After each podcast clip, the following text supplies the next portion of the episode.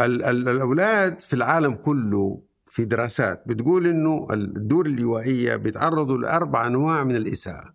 ال- الضرب والشتم والتحقير والتحرش الجنسي. فشعرت إنه المنظومة ما هي سليمة. يعني تربية الأبناء في دور الأيتام ما في أبو ما في أم ما في خالة. وفي في فراغ في فراغ عاطفي كبير عند هذه الفئة. وأنا أعتقد إنه دورنا في المجتمع إن إحنا نعبي هذا الفراغ والفراغ ده بينعكس ايجابيا علينا نحن. يا- خليني أشوف لك رسالة من من يقول صدقني أنا ابنك اللي ما خلفته. أنا ابنك اللي ما خلفته. وأنا من إيدك اليمين لإيدك اليسار. وامنيه حياتي أكون فعلا قريب منك وأخدمك وأكون سندك بالدنيا. صدقني مو ناقصني بهذه الحياة إلا إني أحس إنه عندي أب. شايف؟ مو ناقص ولا شيء. موظف هو وشغال وكل شيء. مو ناقصني في هذه الحياة إلا إنه عندي أب يحتاجني مثل ما أحتاجه ويهتم فيني مثل ما أهتم فيه. أصدقاء مربع الرائعين السلام عليكم. أنا حاتم النجار وهذا مربع من ثمانية. ضيفنا اليوم يمثل الحلقات المحببة إلى قلبي جدا. الضيف اللي عنده تجربة شخصية ثرية وجاء جلس معنا وقالها بكامل الشفافية والصدق. تجربة الضيف أيضا إنسانية فهذا أيضا خلاني أعشق هذه الحلقة أكثر مما أنا أصلا مبسوط أنها تجربة شخصية. مهندس حسين بحري رجل أعمال يعمل في مجال غريب جدا بالنسبة لنا جميعا. يعمل في إنتاج أمهات الدواجن. من أول ما تخرج من الجامعة كمهندس زراعي إلى الآن بعد حوالي خمسين سنة. وهو يعمل في نفس المجال في نفس القطاع وأسس إمبراطورية كبرى شركة ضخمة جدا تنتج 150 مليون صوص سنويا. معظم البيض اللي موجود في بيتي وبيتك بدأ من شركة مهندس حسين. مهندس حسين بحراوي له اهتمام أيضا في العمل الخيري. أسس جمعية خيرية اسمها جمعية الوداد. جمعية الوداد تعنى وتهتم بالأطفال مجهولي الأبوين. هذه قضية مهندس حسين الأساسية بالرغم من فخامة حجم العمل لديه ولكن كل كلامه وكل لقاءاته وكل اهتمامه وكل الإعداد اللي كنت جالس فيه معاه كان دائما يقول لي حاتم أنا ما أبغى أطلع أتكلم عن حياتي أنا أبغى أطلع أتكلم عن قضية مجهولي الأبوين. قضية رسخ جزء كبير من وقته ومصادره وحياته لأجلها. فأبغى أتكلم معه عن هذه القضية ليش أهتم فيها؟ وكيف أسس عمل خيري مؤسسي مستدام يرعى هذه الفئة ويخدم مصالحهم؟ أسس بعدها أيضا جمعية إخوانكم للأيتام الكبار. فجمعية الوداد تهتم بالأطفال الصغار اللي لقى منظومة متكاملة تسعى لاحتضانهم ليلغي دور الرعاية. مهندس حسين مؤمن أن دور الرعاية يجب أن تغلق كلها. أي طفل محتضن يجب أن يكون في منزل وليس في دار رعاية وبيتكلم عن هذه الفلسفة. طيب ماذا عن الأطفال الكبار أو الأيتام الكبار؟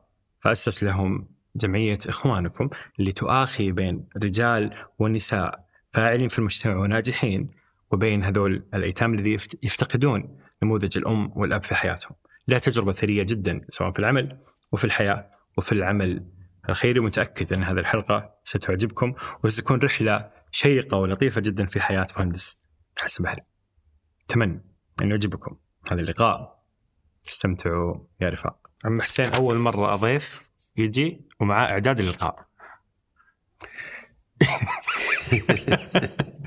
والله أنا يعني جايب لي إياه في ورقة يا عم أحب الإعداد وبالذات الأعلام، أنا أعتقد إنه الإنسان عشان ينجح في أي لقاء إنه يكون في إعداد جيد للقاء ويتوقع الأسئلة التي بتجيله. وأحيانا أعد الأسئلة. يعني أنا عندي تجربة مرة في الإمارات سووا معي لقاء. فكتبت أنا الأسئلة وكتبت الأجوبة وأعطيتها المذيع. ومن ضمن الأجوبة بقول له هذا سؤال ذكي. وأنا وأنا اللي حط السؤال. فهو فهو قاعد يضحك. عجيب. لا لا إحنا يعني أكيد إنه ما حنسوي زي تجارب تلفزيون يعني نبغى نبغاك تكون مرتاح وتحكينا يعني. إن شاء الله. آه بس أنا لاحظت فيك ما شاء الله تبارك الله النظام. يعني لما جيتك في المكتب آه كان في ورقة جنبي مكتوب فيها جدول اليوم. نعم. ولقيت اسمي كذا الساعة ثلاثة ونص حاتم النجار بودكاست مربع حواري كان مكتوب. فإيش سر النظام عندك؟ وأعتقد هذا واحد من أسباب نجاحي. يعني النظام هو إنك أنت تكون آه، عندك اعداد جيد ليومك لأسبوعك لشهرك. آه، التخطيط آه، أعتقد واحد من أهم عوامل نجاحي أنا كرجل أعمال. وحتى نجاحي في العمل الاجتماعي إنه يكون عندك خطة وخطه عمل. والخطة العمل دي كمان مبنية على ال time frame ومبنية على حسن استغلال الوقت. لأنه يعني اليوم الوقت هذا راح. الوقت كالسيف إن لم تقطعه قطعك. فإذا ما يكون عندك حسن استغلال وكمان أنا أعتقد في شغلة مهمة ويمكن هذا سر أقول لك هو اليوم إنه أنا عندي وسيلة في المكتب. آه، إذا الضيف يعني جلس وقت أطول من وقته فعندي جرس متصل بالسكرتارية. عجيب عند رجلي. فأضغط الجرس يجي السكرتير ينبه الضيف إنه طبعا لأنه أنا عندي اجتماع بعده عندي شغل. فيقول لي والله في واحد برا بينتظرك أو لا تنسى. فالضيف فطبعا أنا إيش أقول؟ أقول له ثلاث دقائق فالضيف يستدرك طبعا أكيد الضيف ذكي إنه أنا حددت لك ثلاث دقائق خلاص يعني يعني باقي في لقائنا ثلاث دقائق أو خمس دقائق يعتمد حسب المواضيع اللي ما ناقشناها. أو أقول له أديني نص ساعة يعني خلي الأخ فبالتالي هذا التصرف بيساعدني في آه، ضبط الوقت واستثمار الوقت يعني حسن استثمار الوقت. لأنه واحد من مشاكل الوقت المجاملات هذه. صحيح صحيح. وأنا أنا الحقيقة عندي كثير من الأصدقاء وبالتالي يعني اليوم وأنا جايك جاني كابتن متقاعد يبغى يشرب القهوة عندي. يسعدني هذا الشيء. الحقيقة أنا مش ما اتضايق كثير يسعدني. يعني كوني أنا في بال إنسان يترك بيته ويجيك عشان يشرب فنجان قهوه وخصوصا تتقاعد يعني أعتقد كمان هذا واجب علينا إن إحنا يعني نرحب بالناس هذول نسمع منهم. إذا عنده مشكلة احلها بس أحيانا بتتعارض مع ظروف آه، عملي. بس مع ذلك آه، أشوف إنك ما شاء الله مرة اجتماعي.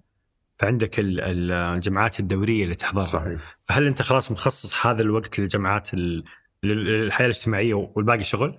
لا أنا في المساء اجتماعيات. يعني أنا برنامجي اليومي أنزل المكتب عشرة آه، ما أقابل أي أحد إلا بعد صلاة الظهر ففي من عشرة إلين 12 ونص أخلص كل الأعمال الورقية اللي عندي أو الشغل البزنس. وبعد آه، صلاة الظهر يعني من واحدة أبدأ آه، يكون عندي المقابلات سواء اجتماعات عمل أو مقابلات أخرى أو زوم لأن كمان يعني عندنا كثير من الاجتماعات صارت بزوم فهذا كله بيتم في في بعد لين أربعة أربعة أطلع البيت نتغدى. وقفلنا الشغل تماما. الشغل خلاص. تقريبا يعني. وهذا هذا كان دائما يعني جدولك ولا الآن لا جدولي دائما طبعا يعني أعتقد من عشر سنين هذا جدولي. نعم. أتغدى أربعة ونص بعدين أنام أنا. أنا من مبدأ خلي يومك يومين. النومة هذه تديك تخليك فريش تقوم. صار عندك يوم جديد. يقول لك خلي يومك يومين إنك تنام بعد الظهر نص ساعة ساعة. فتبدأ كأنك دوبك صاحي من النوم. فصار عندك اليوم يقول لك خلي يومك يومين. هذه الطريقة حتى ترى في أمريكا بدأوا يستخدموها. يعني خلي يومك يومين. وبعدين أجلس في البيت من المغرب للعشاء مع زوجتي يعني وبعدين من بعد العشاء آه، اتشر حلو. هذه الدشرة المنظمة. وهذا الترتيب تشعر يعني تشعر إنه له أثر إيجابي على نفسيتك سلامتك أيوة الصحية أيوة البدنية أيوة والنفسية لأنه أنا عارف عارف برنامجي اليومي عارف حياتي وحتى الناس بدأوا يدركوا. يعني أنا مثلا كنت لما يجوني ضيوف وخاصة من الاهليه اجاملهم بعد الغداء وأجلس معاهم وده على حسابي. صاروا هم عارفين إنه أنا بعد الغداء أطلع أنام. خلاص. يعني بديت أنت يعني تسوي منظومة الناس تستوعبها. وما ما ما في إحراج. يعني أنا بعد الغداء أستاذن من الكل حتى في بيتي. اسمحوا لي وخذوا راحتكم واطلع انام عجيب. إي يعني والله انت أنت اسطورتي الآن. لا, لا. اسطوره متعبة. آه، جميل والله. آه العمل حتى يعني أنت ما شاء الله كل جوانب حياتك فيها نوع من الدهشة والغرابة. فالعمل اللي أنت تعمله بالنسبة لي أول مرة أسمع عنه في حياتي. فاحكيني انت أنت لقيت البيضة اللي تجيب ذهب. لا هو يعني أنا درست زراعة يعني أنا أساسا دارس آه، زراعة وبالتالي طبيعة عملي امتداد لتخصصي. يعني ما ما مو إنه والله أنا مهندس مثلا معماري وبعدين دخلت في صناعة الدواجن لا. يعني هذا شيء أنا درسته ومارسته وأنا صغير. يعني أنا أتذكر وعمري عشر سنين كان عندي دجاج. كنت أبيع البيض لأمي. فبالتالي يعني شغلة الدجاج بدأت معايا من يوم أنا في 12 سنة 13 سنة. وبالتالي لما درست زراعة يعني عجبني المجال. وأول ما بديت أشتغل في في في الخرج في قرية في قرى الخرج آه، اسمها السهبة آه، اشتغلت عامل عامل حظيره دجاج يعني ما اشتغلت والله مدير من أول. وأنا جامعي بس عشان أتعلم آه، بالرغم انه درست في الجامعة. لكن طبعا الدراسة شيء والواقع شيء. وهذه الوظيفة اللي تركت لأجلها البلدية. مزبوط طب ليش ما اشتغلت في البلدية؟ ما حكوميه يعني ما أرتحت. يعني جيت بالعكس أنا جيت يعني أنا اليوم نحن اللي تخرجنا تقريبا 120 طالب في الدفعة حقتنا فتوزعوا على أنحاء المملكة. طبعا في ناس راحوا جيزان في ناس راحوا الشمال. فلما يجيك تعيينك في جدة تعتبر ميزة ميزة كبيرة يعني. فأنا من حسن حظي ذاك الوقت إنه جاء تعييني في جدة وجدة طبعا مدينة الناس مرغوبة جدة والرياض والشرقية الدمام هذه المناطق المرغوبة في في العمل. آه لكن ما ارتحت. يعني الست شهور اللي قعدت في البلدية شعرت إنه أنا يعني ما ماني لاقي نفسي. ماني لاقي يعني كنت مسؤول عن الحدائق وكان ما في بنيه تحتية للحدائق. يعني تكلمت مع أتذكر كان الاخ بركات باجنيد هو نائب المهندس محمد سعيد فارسي إنه يا أخي نحن بنسوي عمل ما هو ما هو ما هو علمي ولا صحيح. يعني أنا أزرع مثلا شارع ما في موية. طيب كيف؟ بعد أسبوع حيموت ولا أجيب واي تسقي. هذا كلام مو صحيح. يعني خلينا نبني إذا نبغى نسوي زراعة نشتغل صح. نبني بنية تحتية للحدائق. وللشوارع يكون في ري بالتنقيط يكون في وبعدين نزرع الشارع. ما ما يبدو إنه ظروفهم ما كانت تسمح يعني كان مطلوب منهم يخضروا الدنيا بس بدون بنية تحتية. وبالتالي كان العمل أنا في رأيي كان عمل آه، غير منظم غير ممنهج وغير علمي. فوجدت إنه أنا في وادي وما في وادي فقدمت استقالتي. ورحت الجوف؟ آه لا أنا كنت وأنا طالب آه سويت آه دراسة كان مطلوب مننا بحث إداري. فسويت بحث إداري عن الشركة هذه اللي هي قيد التأسيس اسمها الشركة السعودية للتنمية الزراعية ساتكو كانوا بيسووا مشروع إنتاج بيض في الخرج. فلما هنا قفلت معايا اتصلت بالمدير العام. كنت كان هو عرض علي أو إنه اشتغل معاه قبل ما اشتغل بالبلديه لكن عرض علي راتب 1800 ريال. البلدية وهذا في الخرج وفي قريه يعني المفروض يعطيني على الأقل 3000 أو 4000 وهنا في جدة كان راتبي تقريبا 2000 ريال أو فلما ما عجبني الحال اتصلت بالمدير العام وقلت له هل الوظيفة ما زالت مفتوحة؟ قال لي ما زالت بس أكد عليه بنفس الراتب لأنه أنا كان اختلافي على الراتب. قلت له أوكي مستعد. فرحت الخارج. وعيني مراقب حظيرة دواجن مراقب عامل يعني إيش مراقب؟ يعني أجمع البيض وأشوف الدجاج وتعلمت. بس كان خدمني الحقيقة خدمني خدمة كبيرة. تعلمت صناعة الدواجن آه، من الصفر يعني. وبعدها اشتغلت في دلة كم سنة بعدين أسست الأمات أيوه بعدين أنا بعد آه، اشتغلت مرحلتين في الشركة دي آه، مرحلة سنة. ثم هم أسسوا شركة جديدة اسمها دواجن السعودية نفس العمل اللي أنا حاليا بشتغل فيه اللي هو إنتاج صوص وعينوني فيها مساعد مدير عام. وبعدين بعد خمس سنين جاني اتصال من مكتب الشيخ صالح كامل. ما استغربت أنا إيش يبغى الشيخ صالح؟ قالوا الشيخ صالح بيقابلك فقال والله إحنا سمعنا عنك وما نعرف إيش ونبغاك تشتغل معنا. طيب يعني قال يعني إذا ما عندك مانع أنا أرسل لك عرض. ارسلوا لي عرض أنا كان راتبي 5000 ارسلوا لي عرض ب 50000 ف شهريا. أيوه صرت كذا أقوم صرت ادوح من نفسي. فرحت لمدير الشركة لبناني كان وكان شريك اللي كنت فيها وصديقي اسمه موسى فريجي. فوريته العرض قال لي قلت له إيش رأيك؟ قال لي من أمس تروح مو دحين. فاشتغلت في دله خمس سنين. عجيب. بس خمسين ألف كان يعني كنت مدير أيوة، المصنع ولا إيش كنت؟ ممتاز و... بس إيش كانت المهمة اللي مطلوبة كنت منك؟ مدير عام آه، دله زراعية. كان عند الشيخ صالح رؤيه إنه يستثمروا في الزراعة على مستوى العالم إنه يفتحوا خط للمجال الزراعي على مستوى العالم. وسوينا مشروع في اليمن وسوينا مشروع في مصر. فكان هذا توجه الشيخ صالح. اشتغلت آه، خمس سنوات آه، مع الشيخ صالح. بس هنا أنت راتبك خمسين ألف ومرتاح. إيش اللي يخليك تطلع تأسس شركة في ذاك الوقت؟ آه، كان طموحي أنا في دله إنه يصير راتبي 100000 يعني يعني هذا كان كل أقصى طموح.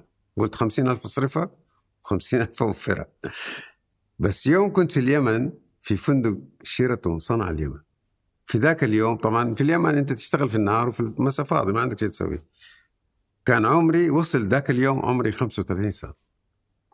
فقعدت بيني وبين نفسي أفكر قلت إذا ما استقلت اليوم ما حستقيل خلاص انت تصير عبد للوظيفة وتصير مسؤولياتك تكبر وارتباطاتك وتصير عندك خوف.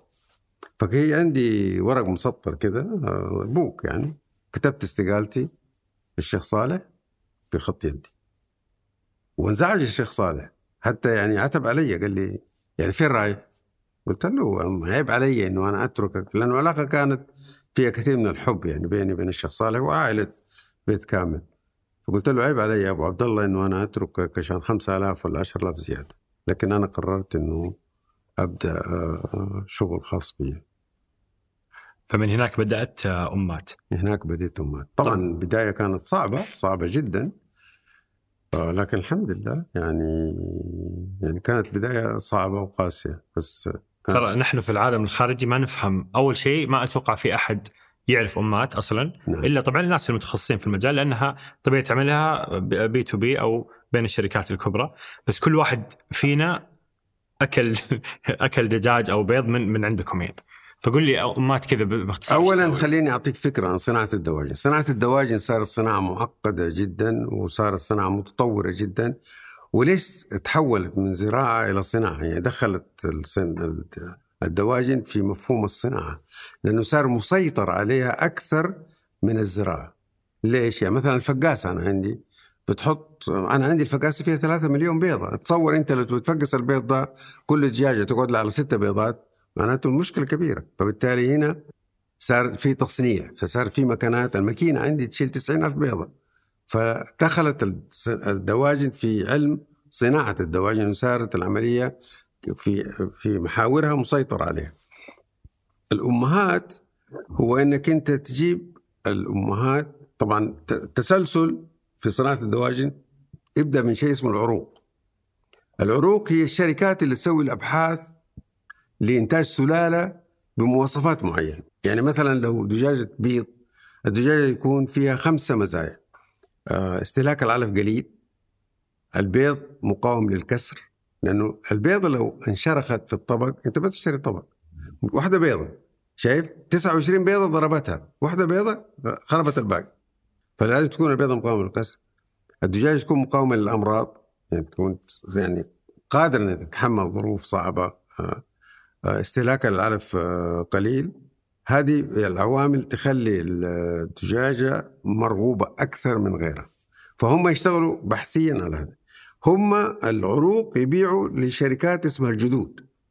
الجدود تبيع إنتاجها للأمهات والأمهات تبيع إنتاجها للتجاري اللي هو الرجل المزارع اللي يربي الدجاج فنحن جايين في مرحلة الأمهات. الأمهات إيش بنسوي؟ نستورد نحن الديوك عمر يوم والإناث عمر يوم من ألمانيا. okay؟ نربيهم عندنا إلين مرحلة البلوغ الجنسي. نزاوج بين الديوك والفراخ بتقنية معينة ويصير كل ديك عنده عشرة زوجات اللي عشرة دجاجات والبيض اللي يطلع بيض ملقح بيض قابل للتفريخ يعني بيض يطلع كتكوت مش بيض أكل. فهذا البيض البيضة تكلفني أنا ريال وشوية. فالبيضة اللي تطلع من الأم بيضة بيضة تفريخ وليست بيضة أكل.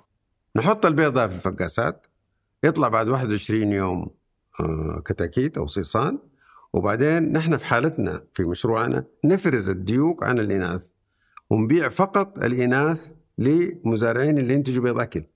لأنه البيض الأكل تنتجه دجاجة بدون الحاجة إلى ديك فهو ما يبغى الديك.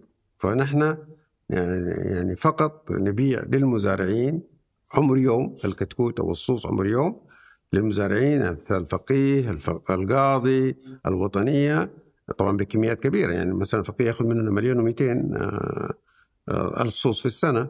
القاضي يأخذ مليون و600 ألف صوص في السنة. الوطنية ياخذوا مليون و200 فنبيعهم الكميات هذه بعمر يوم لهم يربوها وينتجوا بيض الاكل وأنت في حياتك من يوم ما رحت الجوف؟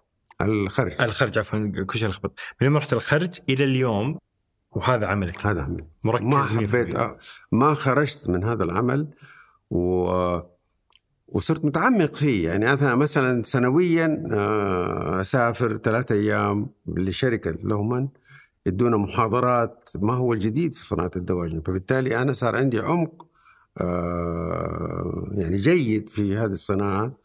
ويعني طبعا متخصص فيها. يعني لما أتكلم أنا 30 سنة أشتغل فيها.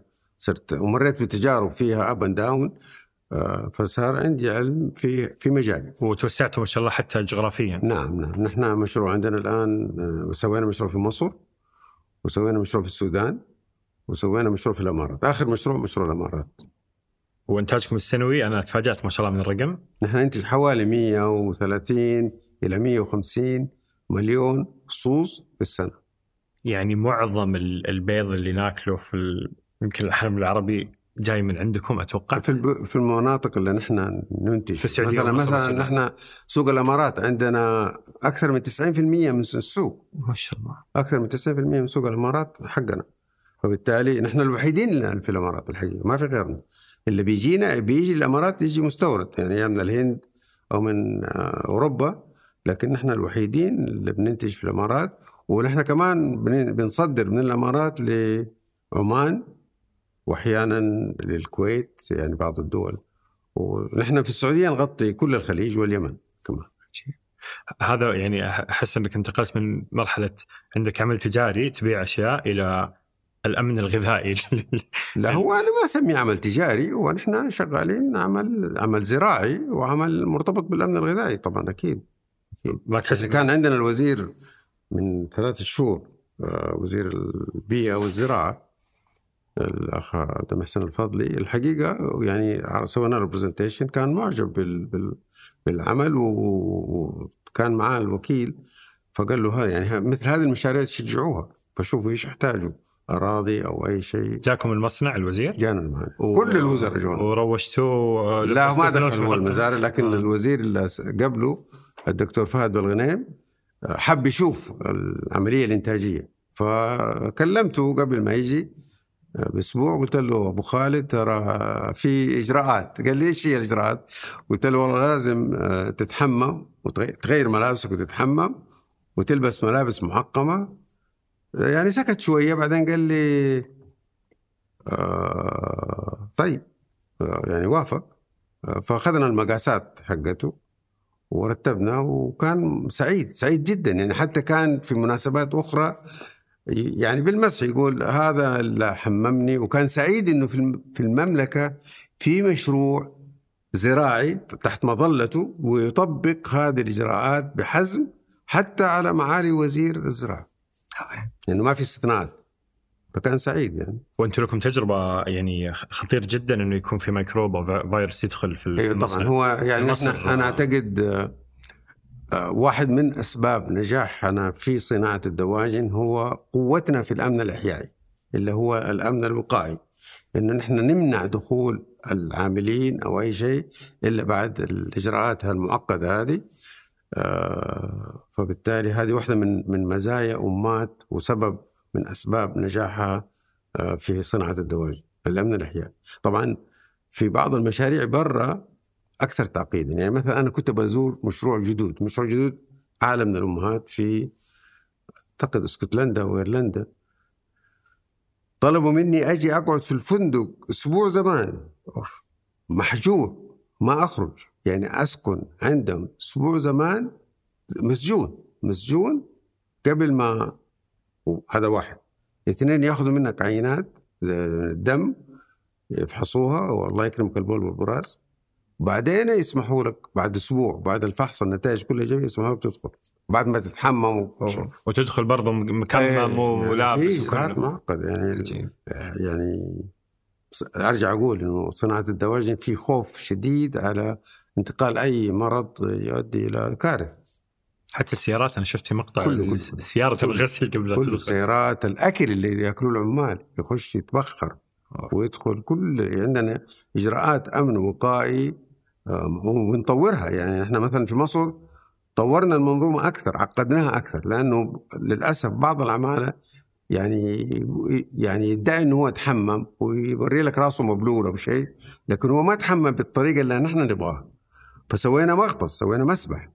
الآن ما يقدر يدخل أي واحد زائر أو العامل لمشروع مصر إلا ينزل في المغطس والمغطس على وجهه في يعني ماسورة ما يقدر يتخطاها إلا لازم يغمر جسمه بالكامل ويطلع من الجهة الثانية. لأنه لكم تجربة في لا مصر تجربة نحن سنة. خسرنا حوالي 44 مليون جنيه في مصر من انتقال إنفلونزا الطيور للمشروع عندي. عام كم هذا عام إنفلونزا الطيور الأولى هذا أعتقد من 15 سنة. عجيب نعم. واضطريتوا إنه كل اللي يعني خلاص، الآن- لازم من من جديد ينعاد نعيد النظر في موضوع الأمن الوقائي وبرضه دائما نطور لأن إحنا عندنا إدارة التطوير والتحسين إنه نشوف إيش في خلل يعني مثلا الأسوار هل هي كافية؟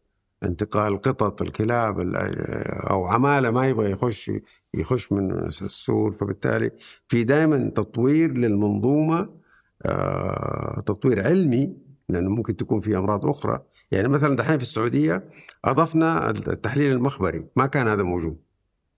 الآن ما حد يقدر يزور أي زائر خارج المنظومة إلا نرسل المختبر حقنا يتم فحصه مخبريا إنه خالي من السالمونيلا هاي نتأكد منها بعدين يتحمم و- ويخش في الإجراءات. عجيب.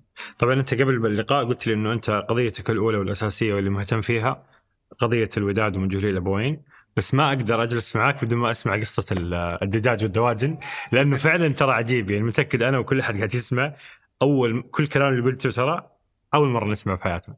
فتجربة ثرية ورائعه الناس في صناعة الدواجن ما عندهم معلومات كافيه يعني كثير من الناس أنا بتبارك يقول لك يا أخي الهرمونات وكيف الدجاج ده يكبر ولا بد في هرمونات يا حبيبي والله ما في هرمونات. العملية عملية هندسة وراثية معتمدة على الانتخاب الوراثي. إيش هو الانتخاب الوراثي؟ أديك كده قصة. لو كل لو في عائلة اسمها عائلة أبو خضر أبو خضر وقرروا انه إنه أولادهم تصير عيونهم كل العيلة خضراء. كيف نسوي العيون؟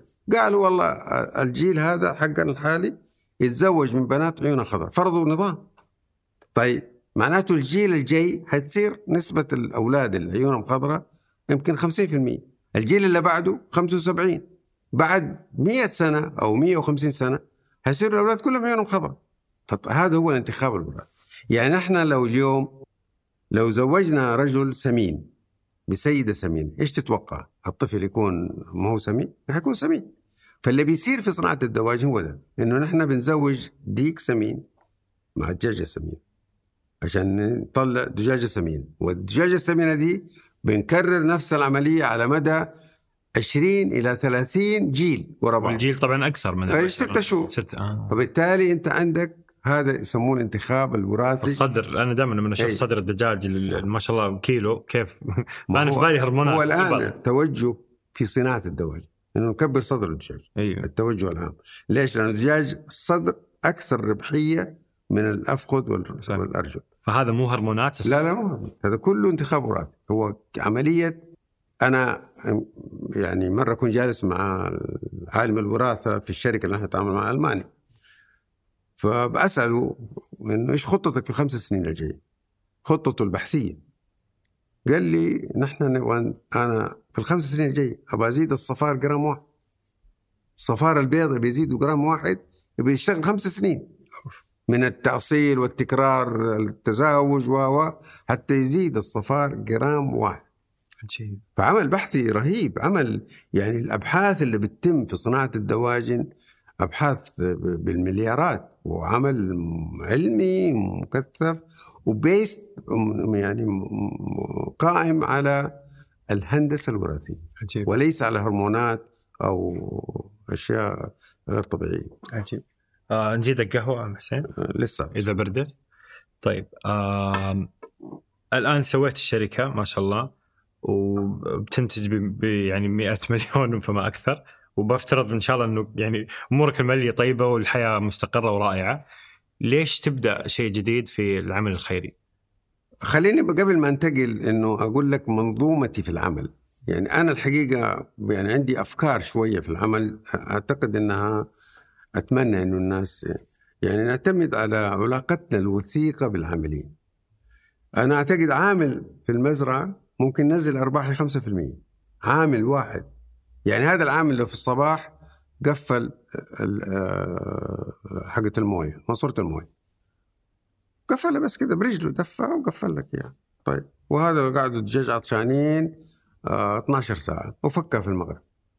أنت كيف تكتشف إنه عطشانين؟ طبعا لما يعطشوا الدجاج حتتأثر الانتاجيه ما يصير البيض. أنت تيجي تسوي بحث ما أنت عارف يعني تأخذ عينات تفحص هو كل يوم بيديك فالعامل يعني في منظومتنا وأنا أعتقد في أي منظومة أخرى. الإنسان وجوده في المنظومة مهم ولذلك أنا أعتقد أي رجل أعمال ناجح يجب إنه يهتم بالعاملين اللي عنده. هم اللي بيسووا ال business هم. هي مش فلوسك. الفلوس موجودة. الفلوس موجودة في البنوك بال- بالمليارات. اللي بي بي بيحقق النجاح هو العامل اللي بيشتغل عندك وإنك كيف أنت تهتم بيه؟ تهتم بأسرته وتهتم بتدريبه تهتم بتعليمه تهتم بصحته. فهذه المنظومة أنا أعتقد يعني واحد من أسباب نجاحي في في المنظومه يعني مثلا على سبيل المثال أنا نحن اليوم نشتغل في أربع دول. في الصباح عندي كل يوم تقرير من الإدارات الموارد البشرية في كل الشركات يجي لي مكتب يقول لي والله هذا العامل اللي في السودان اللي في العامل اللي في المزرعة خالته ماتت. تمام؟ السكرتير يطلب لي هو عظم الله أجرك معوض خير. ما تاخذ مني ولا 15 ثانية المكالمة. 15 ثانية. بس ما تتصور مردودها عليه قديش. هذا العامل في مصر اليوم بنته بتسوي عملية. طمني كيف آه، سوت العملية؟ حتدخل تحتاج شيء؟ ممكن يحتاج ألف جنيه ولا ألفين ولا خمسة ولا. ترى إذا تحب نقولها مستشفى تاني. يعني هذه المشاعر آه، أنا أتذكر الملك فهد الله يرحمه آه، كان صار في حادث على بنات آه، أحد رجال الأعمال في جدة. وكأنه الملك نازل كان من مكة ففي الطريق قالوا له ترى الرجل الأعمال اللي هو يعرفه ماتوا في حريق بنتين أو ثلاثة بنات عنده. فالملك أتأثر إنه ثلاثة بنات يموتوا فيه. فقال له خلينا نمر عليه فين بيته؟ فأمر عزى الرجل في بناته. الرجل أنا أعرفه. نسي بناته. صار يقول الملك فهد جاء عزاني يعني عارف هذه هذا المش هذه المشاعر أنا أعتقد آه، مهمة جدا مع العاملين. يجب أنه العامل يشعر أنه أنت آه، ورا ظهره أنك أنت. وحتى نحن الآن مات عندي عامل في مصر. وجمعنا له راتب سنة. فأنا قلت لهم طيب بعد سنة إيش حنسوي؟ يعني طيب رب- جمعت راتب سنة لزوجته وولد بعد سنة. مو صحيح يعني. فالآن بنشتغل نحن على بولي بوليصة مدى الحياة. الموظف اللي عندك. مدى الحياة. لأنه أنت تشعر أنه يجب أنك تستشعر أنه هذا الموظف اللي عندك أنت مسؤول عنه. مسؤول مو بس عنه مسؤول عنه عن زوجته عن أولاده. أنا والله العظيم آه، بعض أولاد موظفين يتواصلوا معي. يعني يتواصلوا معي وأنا أوجههم. يعني إيش ادرسوا؟ اليوم اليوم وأنا جايك في بنت موظف مدير مشروع أنا آه، اسمها سارة سوداني هو. أرسلت لي رسالة إنه هي جات جدة وهو مدير المشروع عندنا وإنه هي تبغى تقابلني. يعني أنا وأنا أسوي هذا العمل بسعادة مش مش يعني أسويه بسعادة. فبالتالي كونه بنت الموظف بتستشعر إنه صاحب الشركة هو يوجهها ويدعمها في تعليمها ولا فين تدرس ولا إيش تدرس هذا شيء إيجابي. وهذا اللي يبني يعني آه، الإمبراطورية. يعني دائما نشوف الشركات الكبيرة اللي لها ما شاء الله عد يعني عشرات السنين آه وإن شاء الله بإذن الله تستمر كمان يعني مئات السنين. في هذا الإحساس بال, بال يعني آه في أجيال. يعني في واحد يشتغل بعدين ابنه يشتغل بعدين حفيده يشتغل. حتى هو مرتاح النجاح. هنا. يعني أنت الآن مثلا نحن في مصر مشكلة أعتقد حتى في الإسكان. سوينا صندوق للإسكان. الموظف يقدر يقترض. عندنا صندوق لل صندوق دقيقة بس معلش يعني الحين موظف عندكم في امات إيه. أقدر أ- تقدم طلب عشان تاخذ قرض للإسكان. من الشركة. من الشركة نعم. وتسدده. وتسدده. عندنا صندوق للقروض العادية. هذا الموظفين يشاركوا فيه. يعني هو يدفع شهري ويقدر ياخذ 10 أضعاف رصيده. إذا عنده ألف ريال يقدر يتسلف 10 هو قرض حسن طبعا. قرض حسن. عنده وثلاث سنين عنده 2000 يقدر ياخذ آه، 20 فهو صار ال- ال- الفورمولا واضحة حط وتاخذ. نحن عندنا اليوم 8 مليون ريال في الصندوق. عندي صندوق للطوارئ الطوارئ مختلف. الطوارئ إنه صار عليه حادث أو صار عليه. يقدر ياخذ 100 ضعف رصيده 100 ضعف. 50% منها مجانا دعم للحادث يعني صار ما ص- صدم وصار في تعويض مثلا 20000 يقدر ياخذ ال 20000 10000 من الشركة مساهمة و10000 يسددها القرض هذه المش... ال- ال- البرامج وطبعا نحن دائما عندي شيء اسمه الفطور الجماعي. الفطور الجماعي أنا أسميه الغسيل الجماعي إنه يجوا الموظفين ويتكلموا نسمع منهم ونسمع منهم أفكار تطويرية ونسمع منهم رغباتهم ونجاوب على استفساراتهم. في أشياء ما أقدر أسويها. يعني أفضل تقول للموظف يا أخي هذا ال- الكلام اللي أنت تبغاه آه، وعندي قصة دحين سريعة أقول لك هي. يعني عندي مرة واحد في قلت له ما أقدر أحقق لك اللي تبغاه. فخلاص شوف لك شركة ثانية. لا تقعد يعني تقعد تزن علي. أنا اللي أنت تطلبه منظومتي لا تستطيع أنه تحقق لك هو. فأنا لكن في شيء أشياء كثير بنحققها وفي اشياء بناخذها بالاعتبار لتحقيقها يعني كأفكار وك... وهذا. هذه البرامج الحزمة من البرامج أنا أعتقد ساعدتنا كثير في تطوير المنظومه أحقق برضو قصة نتونس. أنا مرة سويت استبيان علي أنا. قلت أذكر ثلاث عيوب للمهندس حسين بحري بدون ما تقول اسمك. فطبعا جاءت ال... طبعا الش- الشباب الله يجزاهم خير أفتروا فيا لأنه ما في اسمه فهو مو خايف. طيب. أنا والله مرة استفدت من هذا الاستبيان. يعني سويت تحليل بعضها من... ما هي منطقية وبعضها منطقية وبعدين شفت سويت لها تحليل إحصائي وشفت العيب الأكثر يعني اللي تكلموا عنه الموظفين وعندي صديق آه، نفسي اجتماعي استشرته ونصحني بدورة أحضرها أسبوعين وحضرت الدورة إيش كان العيب؟ تقدر؟ العيب إنه أنا حاد آه. حاد وأنا يعني كنت قاسي يعني انت عشان تشتغل في منظومة يعني الحجاج يوسف الثقفي كان بالسيف. أنا ما ماني مطمن إنك قلت الحجاج الآن. أنا ما عندي سيف. فبالتالي أنا أعتقد أي منظومة بدها حزم. حلو. بدها حزم. يعني. فل- فلما قالوا لك إنك حاد أنا اخذت رحت أخذت الدوره دورة أسبوعين. عجيب. ومن ضمنها جلسات تنويم مغناطيسي. وطلعوا لي طلعوا لي يعني طلعوا لي تحليل. قالوا لي الوالدية عندك الوالدية الناقدة عندك عالية. وطلعوا لي من فين أخذتها؟ أخذتها من والدتي، والدتي كانت قاسية.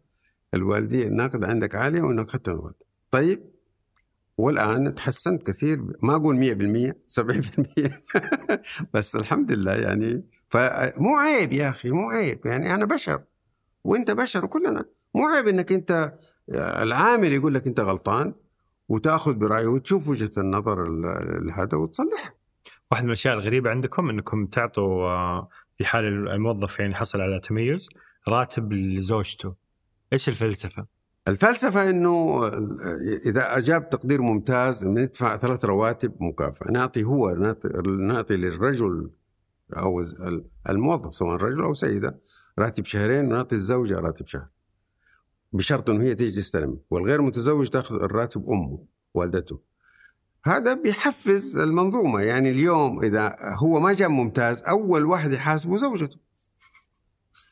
مو أنا صح ولا لا؟ والله كذا ضغط مرة ضغط. صح ولا لا؟ أنا لو موظف عندك- بعدين هو ما جاب ممتاز إلا على حساب البيت. أيوه أتأخر في العمل فكر أكثر بذل جهد أكثر. فبالتالي أنا أعتقد إنه من حق الزوجة إنه إذا الزوج حقق نتائج طيبة إنه هي كمان يكون عندها راتب شهر. وأنا أعتقد فير يعني يعني في إنصاف. يعني كمان أنا أقول دائما لازم ننظر لما بعد الموظف أولاده. يعني أنا مثلا أسوي برضو اجتماعات مع بعض الموظفين مع عوائلهم. قسم قسم. يعني آخذ مثلا لما أنزل مصر آخذ قسم المحاسبة. نعزمهم على العشاء. أجلس مع القسم وزوجاتهم يقعدوا برا في الحديقة ولا ونجتمع ساعة زمان مع الموظفين بدون مديرهم وأسمع منه وبعدين نجلس ونوزع هدايا على الزوجات والأولاد. هذه كل مره وأنا عندي برنامج برضو إنه أتعشى الموظف وات ايفر الموظف. يعني ما هو بالترتيب الوظيفي. مرة سائق مرة عامل مرة مدير مرة. أتعشى في بيته مع أنا وزوجتي نروح نتعشى عنده في البيت. طبعا آه، لأنه الموظفين كرماء كرماء جدا يعني تلقاه يتكلف كثير. فحطيت نظام إنه ما تتعدى أصناف العشاء أكثر من ثلاث أصناف. ولو صار أربعة أمشي. ما في يعني ما في لعب. فثلاثة أصناف. وكيف تختار اللي تتعشى هم هم لا لا آه اللي يعزمك هم يعني. اللي اختاروا إيه. ف... وكثير من الأحيان يعني تعشيت عند سائق أو عامل أو هذا وأنا سعيد. يعني أنا سعيد في وجودي في بيئة. يعني أنا والله واحد من الموظفين عندي بسيط جدا بسيط جدا. لما رحت عنده في البيت ما كنت أعرف. الرجل ده يتكلم عبري. لأنه كان عسكري. فانسجن في إسرائيل سنة وأربع شهور. فتعلم العبرية في السجن الإسرائيلي. وانصاب اشترك في حروب وتأثروا في سينا أظن أربع شهور. يعني كمية المعلومات اللي عرفتها عن الشخص إنه الشخص ده أصله في أنا عندي تفكير. يعني أي إنسان مهما كان بسيط مهما كان بسيط عندك شغال حارس عامل هو في بيته ملك. حتى لو ولده دكتور لو ولده دكتور في الجامعة لو بده يتزوج مو حيرجع لأبوه. فنحن ما نستهون بال... بال... أنت تروح في مملكته هذه طبعا وتشوفه كيف شوف كيف عايش وايش احتياجاته واحيانا ب... يعني بنحل. يعني والله اتذكر سيدة زرنا زرت عامل ساكن في السطوح في صندقه صندق. يعني سطوح. فقالت لي السيده قلت لها إيش تبغي؟ قالت لي يا باشمهندس أبغى مكيف. أنا الشمس في الظهر تتعبني. قلت لها شوفي أنا مسافر بكرة السعودية. ما أوصل المطار الساعة 4 إلا المكيف راكب كلمت وأنا عندها ومدير المشتريات عندنا و... وركبنا المكيف وكلمني الساعة 4 يعني هذا مكيف 2000 ريال يعني بس أنت اهتمامك وشعورك وبعدين أنت بتكسب دعاء يعني هذه انسانه بتدعي لك كل يوم فهذه أنا أعتقد أسميها أنا الإدارة أحيانا بالحب. يعني كونك بتدير المنظومة. مو بس تسوي فلوس يعني أنت أنت يعني أنا اليوم مفتكر القصة دي إنه سويت مكيف لسيدة. يعني هذا هذا وهي مفتكرة إنه أنا سويت هذا هذا الشعور الجميل اللي أنت يعني وجودك في الحياة مو بس إنك تجمع فلوس. إنك تخدم الناس تعلم أولادهم تحل مش أنا والله عندي مرة موظف جاني عنده بنته عندها عمود الفقري يسموه S shape. كتبنا طلب آه، لعلاجها هنا هنا هنا ما يعني بعد كذا محاولة فشل بعدين قلت له اسمه تاج. قلت له دكتور وبيطل قلت له دكتور تاج أنا يئست يعني حاولت لك في كذا مجال ما أقدر قديش تكلفة العملية؟ قال لي سبعين ألف ريال. طيب. قلت له نعطيك السبعين ألف بس تسددها. تسددها. قرض قال لي أسلم على يدك. أعطينا له السبعين ألف. سددها. صحيح يمكن أخذ خمس سنين. بس حلينا مشكلة بنته اللي عندها يعني عمود فقري اس شيب يعني حتطلع معوقة يعني. هذا الدور أنا أعتقد أنا سعيد به وكلنا سعداء يعني. هو سعيد وأنا سعيد. والمنظومة العمل فيها سعادة لأنه هو في نهاية المطاف الموظف خيره من العمل. يعني يعني نحن اليوم لو تيجي تقارن أرباحنا بالرواتب أكيد الرواتب أكثر. فهم المستفيدين يعني العاملين معنا هم المستفيد الأكثر من من الشركاء أو مننا ك ك كناس. مدير العمل هم المستفيدين بس هل خطأ إذا الشركة تربح أكثر من ما تصرف؟ لا لا مو مو خطأ ابدا مو. فمو يعني فالشركه لا لا مو شريرة إذا سوت كذا. لكن أنا أقول إنه الخطأ إنه الشركة ما تهتم. أنا مرة جاني موظف كان يشتغل يصدق عندي. م. قدم عندي وكلم صديقي. قلت له ترى تقدم لي يا فلان. وقال لي ما عندي مشكلة. أخذته. بعد سنتين هو صديقي احتاج الموظف فكلمني قال لي حسين أنا الاخ بسام. قلت له ما عندي مشكلة يعني. بعدين نسيت الموضوع أنا بعد ستة شهور لقيت الموظف موجود. فناديته قلت له خالد كان يبغاك خالد بالبيت كان يبغاك و... قال لي والله عرضوا علي. قلت له يعني ما عرضوا عليك؟ قال لي لا عرضوا علي راتب أكثر من اللي باخذه لكن زوجتي ما رضيت قلت له غريب. تبغى نفسك تبغى الراتب اللي بنهايه السنة. قال لي أيوه قالت له نحن يعني مرتاحين هنا. الراجل جانا البيت مرتين. في نجاح أولادك أرسل لك بسكليتات هدايا في فهذا يعني هذه هذا شيء أنا أشوفه عنصر مهم في النجاح. أي رجل اعمال اهتمامه بالعاملين والمنظومة اللي بي بي بس آه، ما تحس بشعور بقولها زي ما هي الشيخ المليونير اللي عنده آه، يعني كبر إنه ما يقابل الباقيين. لا لا أنا بسيط وحتى أولادي يعني الحقيقة أنا سعيد بهذا الشيء. انه ولدي ميسر الآن بيدير السعودية ونفس ال... ويقعد مع العمال ون... وحتى نحن الآن لما أنا أنا أتغدى في المزارع. بس هذا ما يقل من احترامك؟ يعني لا, لا بالعكس الشيخ المليونير والله يقول لا. يزيد من مع... هو هو أنا أبغى لا لا لا. شوف أنا مرة سألت أولادي سؤال سألت واحد من أولادي أعتقد إنه قلت له هل أنت تخاف مني؟ قال لي لا يا بابا أنا أحترمك. ففي فرق؟ إنه المحامي ما يحترمك أكثر أهم من إنه يخاف منك يعني. ويحترمك ويحبك ويراعي مصلحة العمل. فنحن أنا أتغدى وبرضه ابني نتغدى في أتغدى في المزارع. لما أروح المزرعة أتغدى. وأخليهم هم يسووا العمال هم اللي يطبخوا الغداء مش حتى. نحن نجيب لهم المواد يعني لحمه رز ما عارف إيش والله ويبدعوا. يعني يعني ما شاء الله يعني وآكل معاهم وأشوف مشاكلهم. وأرجع أقول إنه مو كل الطلبات اللي بيطلبوها العمالة. أنا قادر على تحقيقها وبعض العمالة إذا كان ظروف في أو طلباته تفوق امكانياتي أقول له يا أخي أنا ما أقدر وإذا تشوف له وأساعده في عمل ثاني يعني ليش لا؟ جميل كذا أنا خايف على الشباب هنا يجوا يشتغلوا عندك بس الحمد لله ما, ما في مهندسين زراعيين. تخصصاتهم يعني بعيده عنكم الحمد لله. أنا كنت بسألك عن العمل الخيري بس طلع ما شاء الله أنت هناك عمل خيري. بس الوداد يعني مهتمه بايضا جانب جدا غريب وجدا نادر وجدا يعني ما هو حاضر في أذهان ال ال ال الناس كذا بشكل دائم. فحكيني عن بداية الوداد هل القضية اولا ولا العمل الخيري اولا وكيف بدأت؟ أنا تعاونت تقريبا من 30 سنة مع جمعية البر في الدور الإيواء اللي فيها أيتام وزوجتي كمان اشتغلت في جمعية البر. فكان يعني في معاناة للأيتام الذكور والإناث في في الجمعية.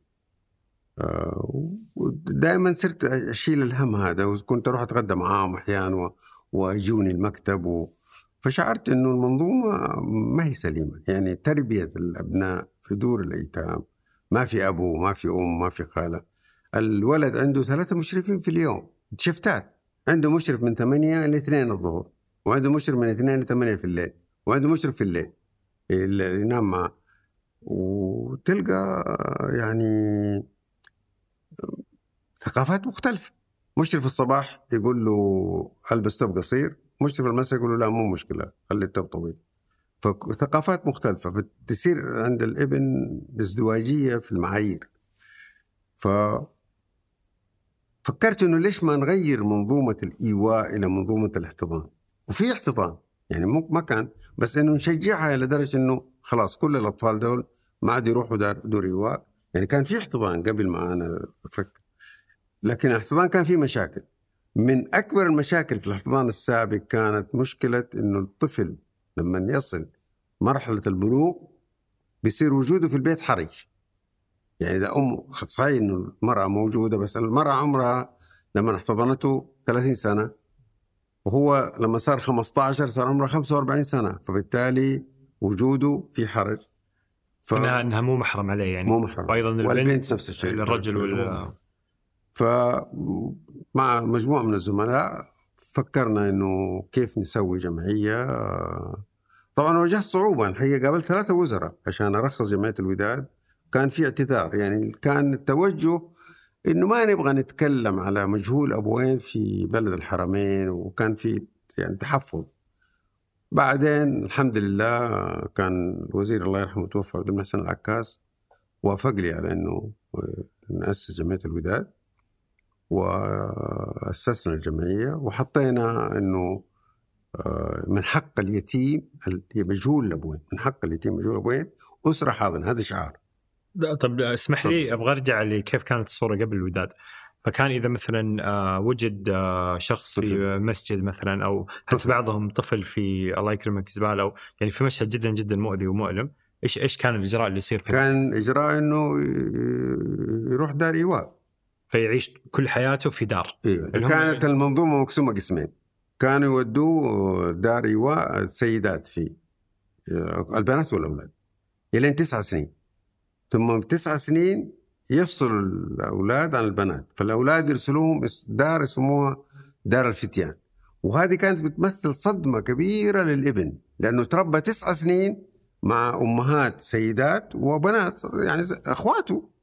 فتجي تشيله فجأة وتوديه دار فتيان كلهم أولاد و- وبيئة غريبة عليه. فكانت هذه أك أول صدمة يتلقاها الإبن هو نقله من منظومة دار ال- السيدات الحاضنات في إلى دار ال- الأولاد اللي هم دار الفتيان. وطبعا تبدأ الم- المأساة. والظروف العامة اللي أحيانا ما تكون جيدة. ال- ال- الأولاد في العالم كله في دراسات بتقول إنه الدور اللوائيه بيتعرضوا لأربع أنواع من الإساءة. ال- الضرب والشتم والتحقير والتحرش الجنسي. فهذا في الدراسات بشكل عام تتكلم عن منظومة الدور اللوائي حتى أحيانا المو- الموظف نفسه يكون أصلا يحت... يعني واحد جاي موظف بس ويحتقر هذا ال- الابن ولا البنت. هم يعني الحقيقة في موظفين يعني أنا قابلتهم خير موظف بيعتبروا الأولاد أولادهم وفي قصص نجاح كبيرة من الأولاد اللي في الدور. لكن نحن نتكلم على أنه في معاناة والمعاناة مبنية على عدم وجود أب وأم وأخ عدم وجود الأسرة. فأنت يسموها التربية العنبرية. أنت بتربوا زي في السجون السجون مو تربية. يعني حتى الناس اللي بيسجنوا بيتعرضوا لاغتصاب وهذا بنشوفهم يعني هم كبار يعني بيخش السجن وعمره 30 سنة بيتعرض لاغتصاب فبالتالي المنظومة العنبرية آه، في رأيي وفي ظني وأعتقد الدراسات أثبتت هذا الكلام إنه ليست مناسبة وليست الأفضل ليست الأفضل. فجينا للوداد إنها تحل هذه المشكلة. قلنا نحن يعني كان حلم طبعا إنه نحن كيف نقول شعار إنه من حق الطفل اليتيم مجهول الابوين المتخلى عنه من حقه يكون عنده أسرة. من حقه يكون عنده أسرة تحتضنه كان حلم في ناس كانوا يعتبروه غير قابل للتحقيق ونحن حطينا يعني كيف نشجع الاسر السعودية إنه تحتضن الطفل طيب مين العميل؟ مين الأسرة التي ترغب الاحتضان؟ لقينا سوينا دراسة. لقينا الأسرة المحرومة من الإنجاب هذه عندها حاجة شديدة للاحتضان. طيب كيف تحتضن الأسرة المحرومة من الإنجاب وبالرضاعة عندنا مشكلة فالله فتح علينا أنه في إمكانية طبيا لتحفيز إدرار الحليب من السيد العقيم يعني في وفي أربع وسائل لتحفيز إدرار الحليب ما بدي أخش في تفاصيلها الآن انه يمكن تحفيز إدرار السيد العقيم بيسر وسهولة بس بإشراف طبي. طيب هل هذا العمل جائز؟ رحنا دار الإفتاء يا جماعة عندنا طفل مجهول أبوين وعندنا أسرة عقيمه تبغى تحتضنه. وفي إمكانية لتحفيز إدرار الحليب. رجعوا هم ودرسوا الموضوع وطلعوا بفتوى إنه إذا در صدر المرأة بالحليب وأرضعت الطفل خمس رضعات مشبعات تكون أما له بصرف النظر عن المسببات. يعني بصرف النظر عن المحفزات اللي خلتها تدر. فده ريحنا. فصار عندي أنا إقبال شديد من الأسر العقيمة. دقيقة هنا باقي التحدي اي ثينك باقي التحدي أتوقع القانوني. يعني كيف كيف تثبت الرضاعة وما الرضاعة؟ آه بعد ما ترضى نحن يشهدوا عندنا تتم الرضاعة في الجمعية وأربع سيدات عندنا في الجمعية يشهدوا ما- نطلع سك رضاعة. عشان نثبت إنه هذه السيدة فلانة الفلانية أرضعت طفلة. عشان مو بس كإثبات الرضاعة نحن سوينا صك ولاية. بعد الرضاعة. بعد ما نطلع صك الرضاعة المحكمة نطلب من المحكمة إخراج صك ولاية تصير هي السيد ده ولية أمر الطفل هذا. يعني لو كانت البنت بنت. وصارت ال- الأم اللي أرضعتها ولية أمرها. بكرة تبي تتزوج. مو لازم الولي يوافق على الزواج فيصير أمه هي الولي بدل ما يروح الوزارة ويسوي العقد في النهار ويجي موظف الوزارة والبنت في يوم الزواج تشعر إنه هي مجهولة أبوين وإنه الوز... واحد من الوزارة جاء يكون وليها ولا القاضي. فصارت الأم أم الطفل اللي أرضعته هي وليه أمر وهذا نتكلم عن عمر مبكر يعني إيه. يعني كم عمر الطفل المحتضن؟ أيام أيام. على طول أول ما يجي- أول رضع. نثبت الرضاعة بصك رضاعة نثبت الرضاعة نثبت الرضاعة بصك رضاعة من المحكمة نستخرج صك ولاية. تبغى تسافر بيه راحت المطار تبغى تسافر بيه كيف تسافر بيه؟ هو مو ولدها ولا الزوج برضه مو ولده. ولا الاسم مختلف. فحق الجوازات أكيد بدي يقول أنت واخذه من الشارع ما في جايبه. فبصك الولاية تقدر تسافر به هذا صك ولاية. المحكمة طالع ويترجم صك الولاية بلغة ويصدق حتى لو تسافر أمريكا لو تسافر هذا يقدر. فسو فحل سوينا منظومة. هذا المنظومة. حلو. منظومة. منظومة الوداد صارت منظومة م- ممنهجة مرتبة متكاملة. وطبعا برضو التطوير وارد. يعني إحنا اليوم يعني كان عندي اجتماع أنا من أسبوع الجمعية العمومية. بقول لإخواني نحن وأنا مش بس الجمعية العمومية حتى في اللقاءات التلفزيونية بقول جمعية الوداد جمعية مجتمعية تخدم المجتمع. أي فكرة أي اقتراح نرحب به نرحب به ندرسه. ليش لا؟ وبعد ما سويتوا هذا الحل يعني أنا اللي أعرفه واحد من أكبر مشاكل الاحتضان هو الإرجاع. فناس تجيها كذا فترة تحس انه ودها تتبنى طفل تتبناه فترة معينة ثم الأب الأم يعني في ظروف معينة يرجعونه لل- للدور. وهذه تجربة مؤلمة جدا في جداً، الأطفال في الدور. في بعضهم رجع مرتين وثلاثة وأربعة. يعني ما, ما أتخيل كيف شعور الرفض اللي عند هذا الطفل. فهل هذا حل مشكلة ال- الإرجاع؟ حل هذا موضوع ثاني غير ال- لأنه الإرجاع كان من أسرة غير مناسبة. يعني مشكلة الإرجاع إن الأسرة غير مناسبة. آه، فنحن في الوداد آه، ركزنا على تقييم الأسرة. كيف تقيم الأسرة تقييم قاسي وقوي؟ إنه وحاجتها تدرس حاجتها للطفل. فحتى نحن اليوم بنتأكد إنه الحاجة موجودة عند الطرفين. ومو بس الطرفين حتى ال- الأقرباء من الدرجة الأولى. جدها أم البنت الحاضن المراه الحاضنة أبو الزوج. حتى نتأكد يعني كيف إذا إذا جت عائلة أيوه يصير يصير تقابلوا العائله كلها ولا؟ إيه نقابل الأب ونجيب موافقة ال- الابو ال- ال- وأم الزوجة. ال- ال- اللي هو الجد يعني. أيوه أيوه لأنه نحن نبغى الطفل ما يرجع لنا فنبغى نتأكد ان المنظومة دي كلها طبعا معايير التقييم في الوداد قاسية جدا. ليش؟ لأنه أرجع للعيار إنه أنت تبغى الطفل ده يتربى تربية كويسة يعني. ف اول شيء رحنا للمعايير الأمريكية. مثلا في أمريكا البيت إذا كان في هذا دربزين إذا كان الزوج والزوجه ساكنين في بيت درج ما في دربزين ما يعطوا طفل.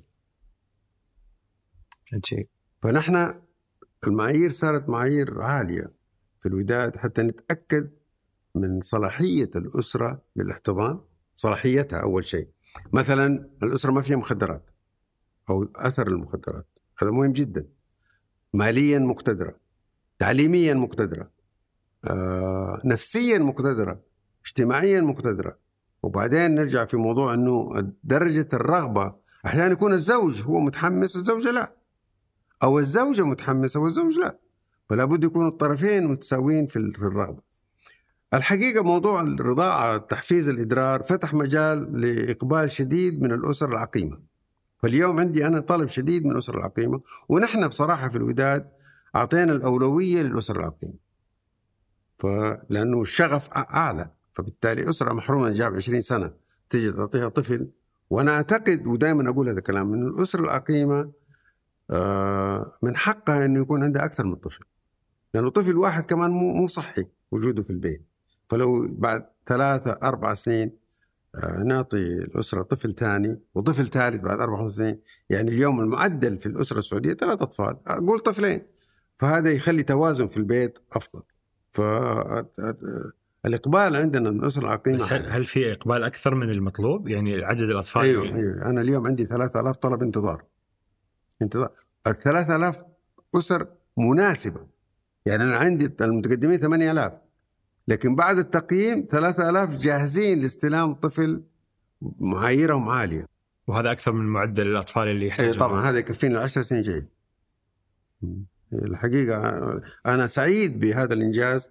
إنه صار طبعا عندنا كان في مشكلة في البشرة السمراء والحمد لله يعني قدرنا الآن نحل الإشكالية إنه رحنا سوينا آه، توعية في المناطق اللي فيها بشرة سمراء عالية بعض القرى بعض المناطق وصار في إقبال الآن فصار ما عندي لأنه ما. تبغى تعطي طفل البشرة السمراء لعائلة بيضاء. لا لا. نحن بنحاول تطبيق لون البشرة والملامح مو بس البشرة. والبشرة ست درجات ترى.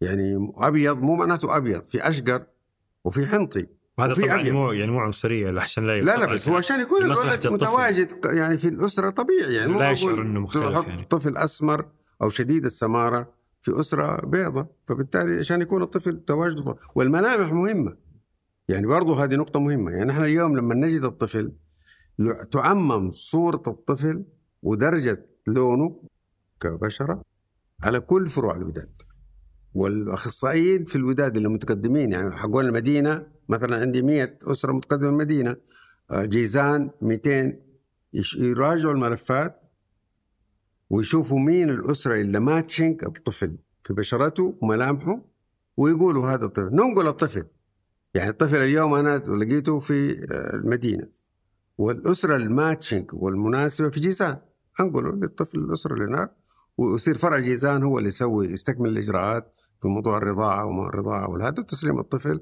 الاسره ومتابعه الطفل بعد ما آه، أعرف عائلة محتضنة طفلة آه، بنفس اللون نفس كل شيء بس الملامح يبدو إنها مو 100% يعني يعني 90% فبيحكين انه الطفل عمرها أربع خمس سنوات لاحظت إنه شكل الأنف عندها مختلف عن. عن الأم والأب. فذهل يقول لي حتى الطفل نفسه يلاحظ. إيه طبعا. إنه بس شكل الأنف يقول يقول الام يعني يقول ماما أنت ليش خشمك كذا وأنا خشمي كذا؟ بس شكل الأنف. فيعني فعلا ضروري إنه بنحاول. يعني هو طبعا أنت أنت بتجتهد.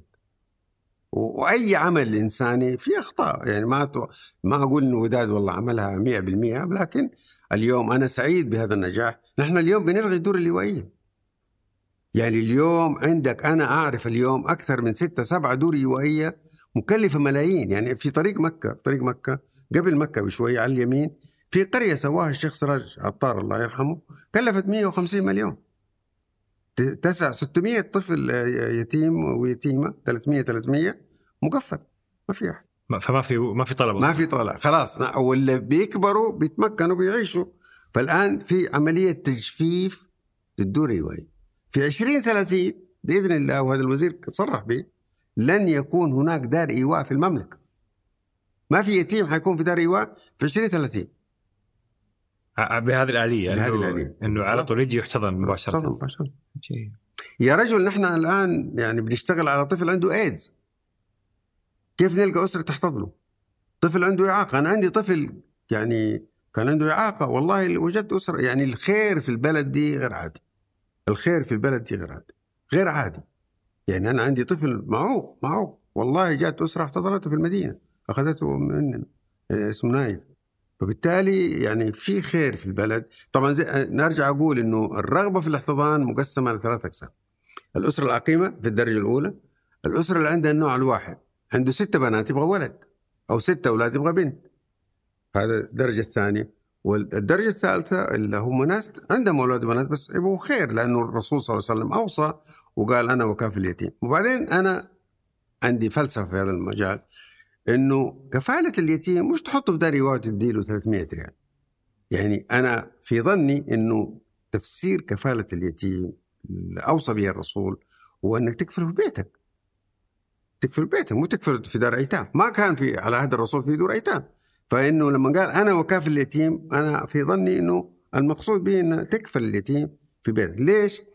اللي يعزز كلامي إنه في حديث ثاني يقول خير بيت في الإسلام بيت فيه يتيم بيت مو دار بيت فيه يتيم يحسن إليه. خير بيت في الإسلام بيت فيه يتيم يحسن إليه. فمعناته كفالة الأيتام هي في في بيتك إنك تكفله وتربيه مع أولادك مع زوجتك مع أولادك يأكل ويشرب معك مش تحطه في دار ايواء وتجيب له موظفين ياكلوه ويشربوه. الموضوع أو القضية اللي أنت مهتم فيها فيها حساسية عالية لأنه هذا الطفل هو هو الضحية طبعا الاخيره بس يعني أكيد جاك كلام إنه كأنك قاعد ما أعرف تروج الرذيلة وتسهل حصولها. يعني فاهم قصدي؟ فالقضية جدا حساسة. كيف تعاملت أنت مع هذا التهمة خلينا نقول؟ أنا أقول اللي اتهمني هو إيش سوى؟ يعني أنا في مشكلة موجودة قدامي. طيب؟ في حفرة في الشارع أنا سديتها.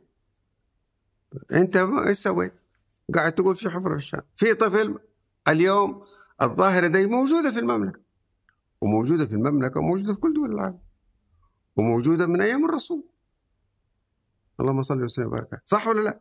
فطيب أنا بتعامل مع مع مشكلة قائمة وبحاول أوجد لها حلول حضارية حضارية منظمه طيب أنا اليوم لما بسوي مستشفى للإدمان عشان أعالج مشكلة الإدمان هل أنا بروج للإدمان وبقول لك خذ حبوب وخذ مخدرات وترى المستشفى موجود؟ مو صحيح. هذه اثنين. ثلاثة الحمل يا أخي بياخذ تسعة شهور. أنا كيف أشجع؟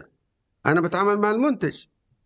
يعني حمل بيمضي عند المرأة تسعة شهور مو يوم وليلة حتى أنا بشجع عليه ومعاناة وولادة وإلى آخره. وبعدين أنا المنتج اللي بينتج الولد اللي بي أو البنت اللي بينتج أنا بتعامل معه وألقى له أسلوب حضاري إنه يتربى ويتربى تربية سليمة في المجتمع بدل ما يصير مصدر إزعاج مصدر لإرهاب مصدر ل وش إيش ذنبه مسكين هذا الطفل؟ والله أنا بيمر علي أولاد وبنات زي الورد. يعني إيش ذنبه؟ إيش ذنبه هذا الطفل طفل بريء ما له ذنب. فأنت أنت واقف يعني أو بادئ التفكير من الطفل. لا.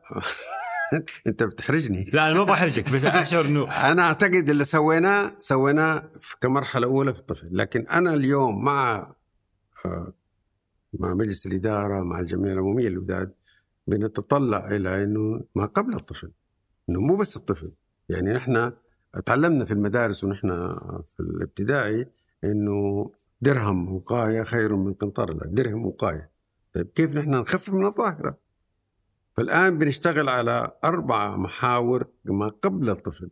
أول محور التوعية عن كارثية الحمل عن خارج الطرف كيف نوعي بناتنا وأولادنا عن كارثية أنا أسميها كارثية الحمل خارج الإطار الشرعي. البنت أو المرأة التي تحمل خارج القطار الشرعي كارثة. يعني تخيل أنت بس بنت حملت اليوم خارج إطار شرعي بيت أهلها كيف إيش حتقول لي أهلها تقول له والله أنا حامل خارج إطار الشرعي. كيف تقول لي أخوها؟ كيف تقول لي زميلاتها؟ كيف تقول وكيف حتى ما تستبقي هذا الطفل للولادة؟ يعني مو بس إنه كيف تقول لهم طيب الطفل ده بينمو كل يوم فكل يوم وجودها في المنظومة العائلية كارثة. فين تلد كارثة. فين تتخلص من الطفل كارثة. فانا أعتقد نحن واجبنا اليوم نسوي توعي توعي لبناتنا وأولادنا حتى الأولاد يعني الأولاد يعني ما هي شطارة إنك أنت تضحك على بنت وتحملها وتمر يعني ما هي شطارة. فأنت لازم تخاف من ربنا وتشوف الأثر والأثر يعني الرباني والأثر المجتمعي يعني هذا الطفل وابنك طيب وابنك في الشارع قاعد يتربى ولا فأنا أقول التوعية مرة مهمة لابد يكون عندنا توعية ذكية ذكية مش مباشرة ذكية عن كارثية الحمل خارج إطار الشرع. جميل.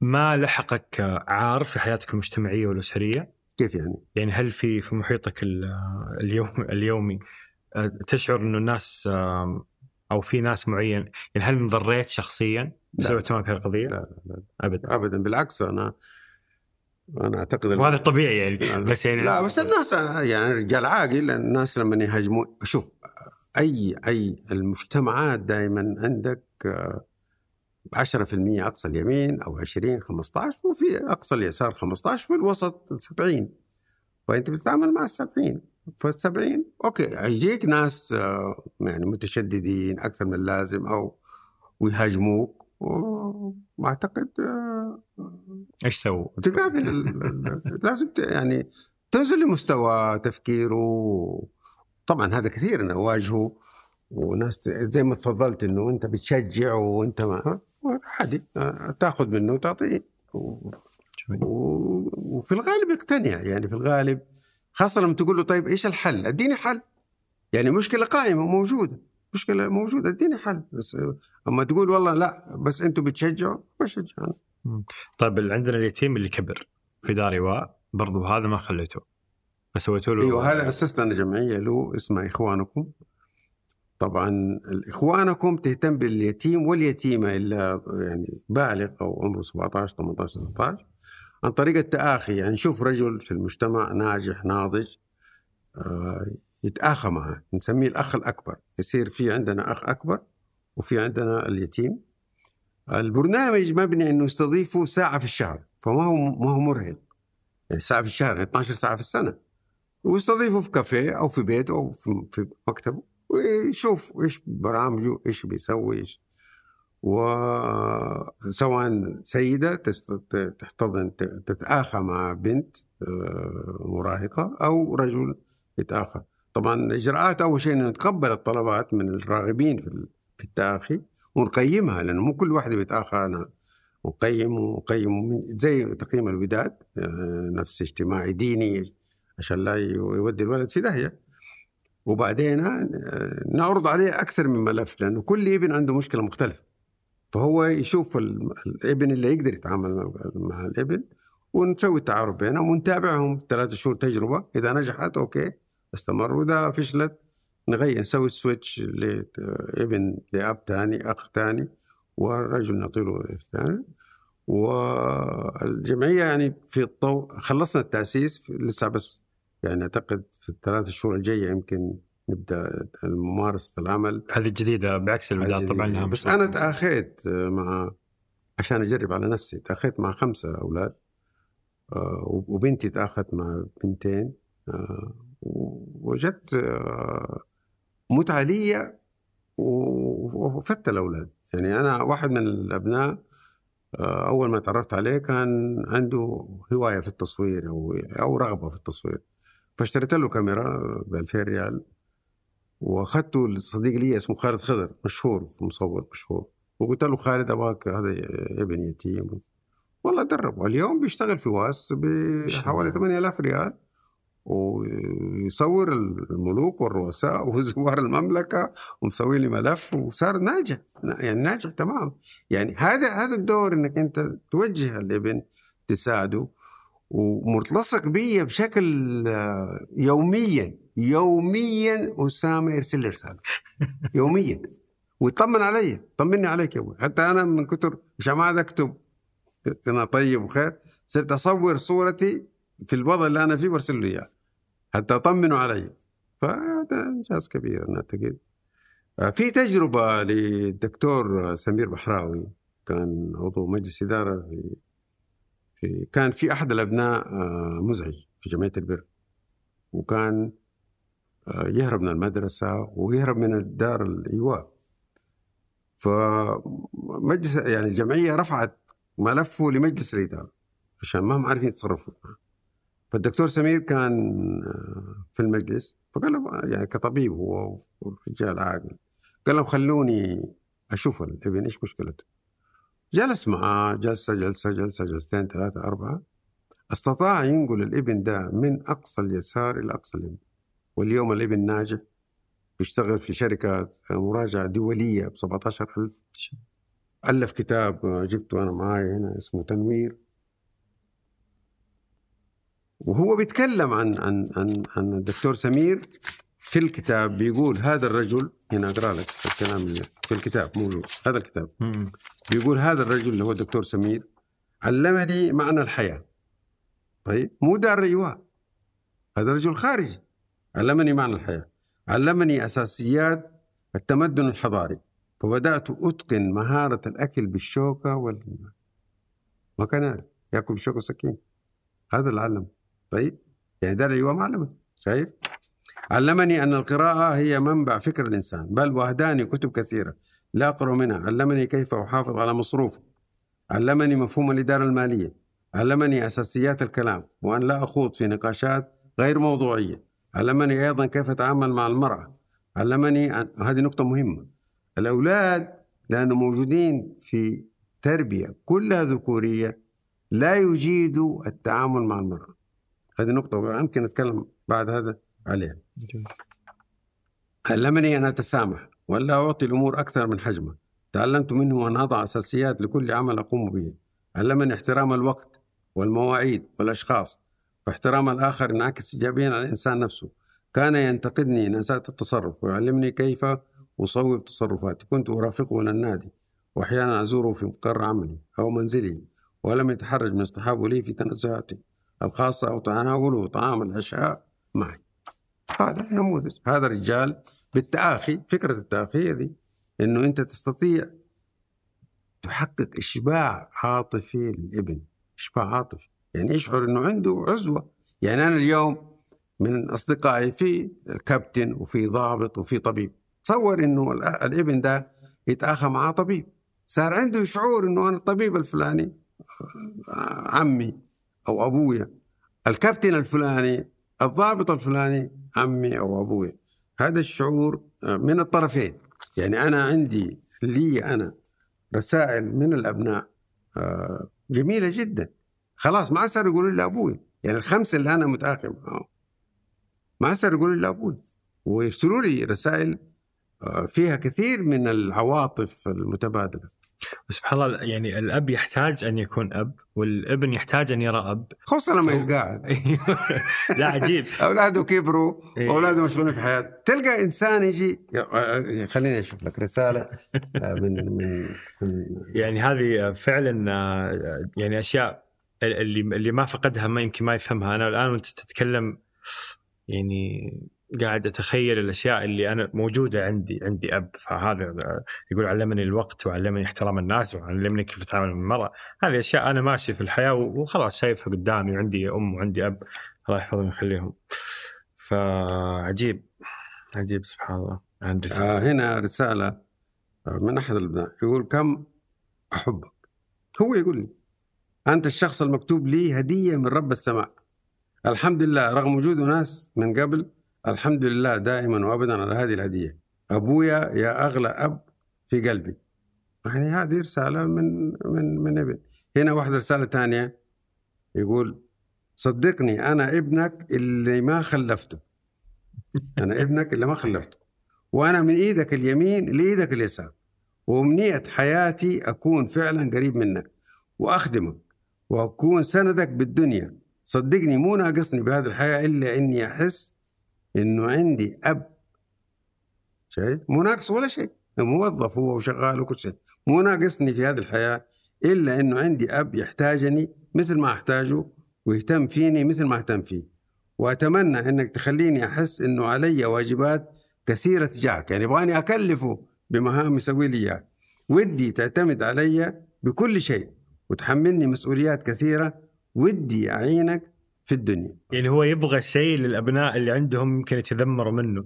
طلبات الأب إنك أنت لك فائده أصلا إنه أحتاجك. هذا الشيء هو يفتقده إنه في أحد يحتاجه. هنا وابن ثاني يقول لما توصلني رسالة مني أنا.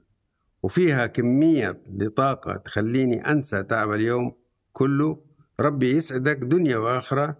يا أبو معتز نتعلم منك ومن أخلاقك وأسلوبك وشخصيتك الأكثر من رائعة. الحمد لله على نعمة وجودك في حياتي ربي يخليك لي يا أبوي. كونه الابن هذا يعني يناديك بكلمة أب وتشعر إنك أنت مليت له الفراغ هذا. وطبعا نفس الشيء على البنات. يعني البنات اليوم كونوا زوجتك زوجتي سيدة خمسين سنة ستين سنة تهتم ببنت وتأخذها زواج تعلمها كيف تلبس تعلمها كيف تاكل زي ما قال آه، أنا تشعر بالحنان. يعني يوم العيد دول الأولاد والبنات بعيدوا في الدار الايواء يعني أنت لما تأخذهم يعيدوا معك مع أولادك وشوف الناس كيف عايشين وفي في فراغ في فراغ عاطفي كبير عند هذه الفئة. وأنا أعتقد إنه دورنا في المجتمع إن نحن نعبي هذا الفراغ. والفراغ ده بينعكس ايجابيا علينا نحن. وأنا هذا دائما بقول للأخوان من زملائي يعني وأصحابي والكل كل ما أطرح الفكرة أمس يعني كان عندي ضيوف في المزرعة طرحت عليهم الكل أبدأ استعداد إنه هو يتآخى مع الأبناء هذول. وهل يعني في تسجيل؟ أيوه طبعا في تسجيل و... في رابط موجود الآن؟ إيه الآن بنشتغل. آه.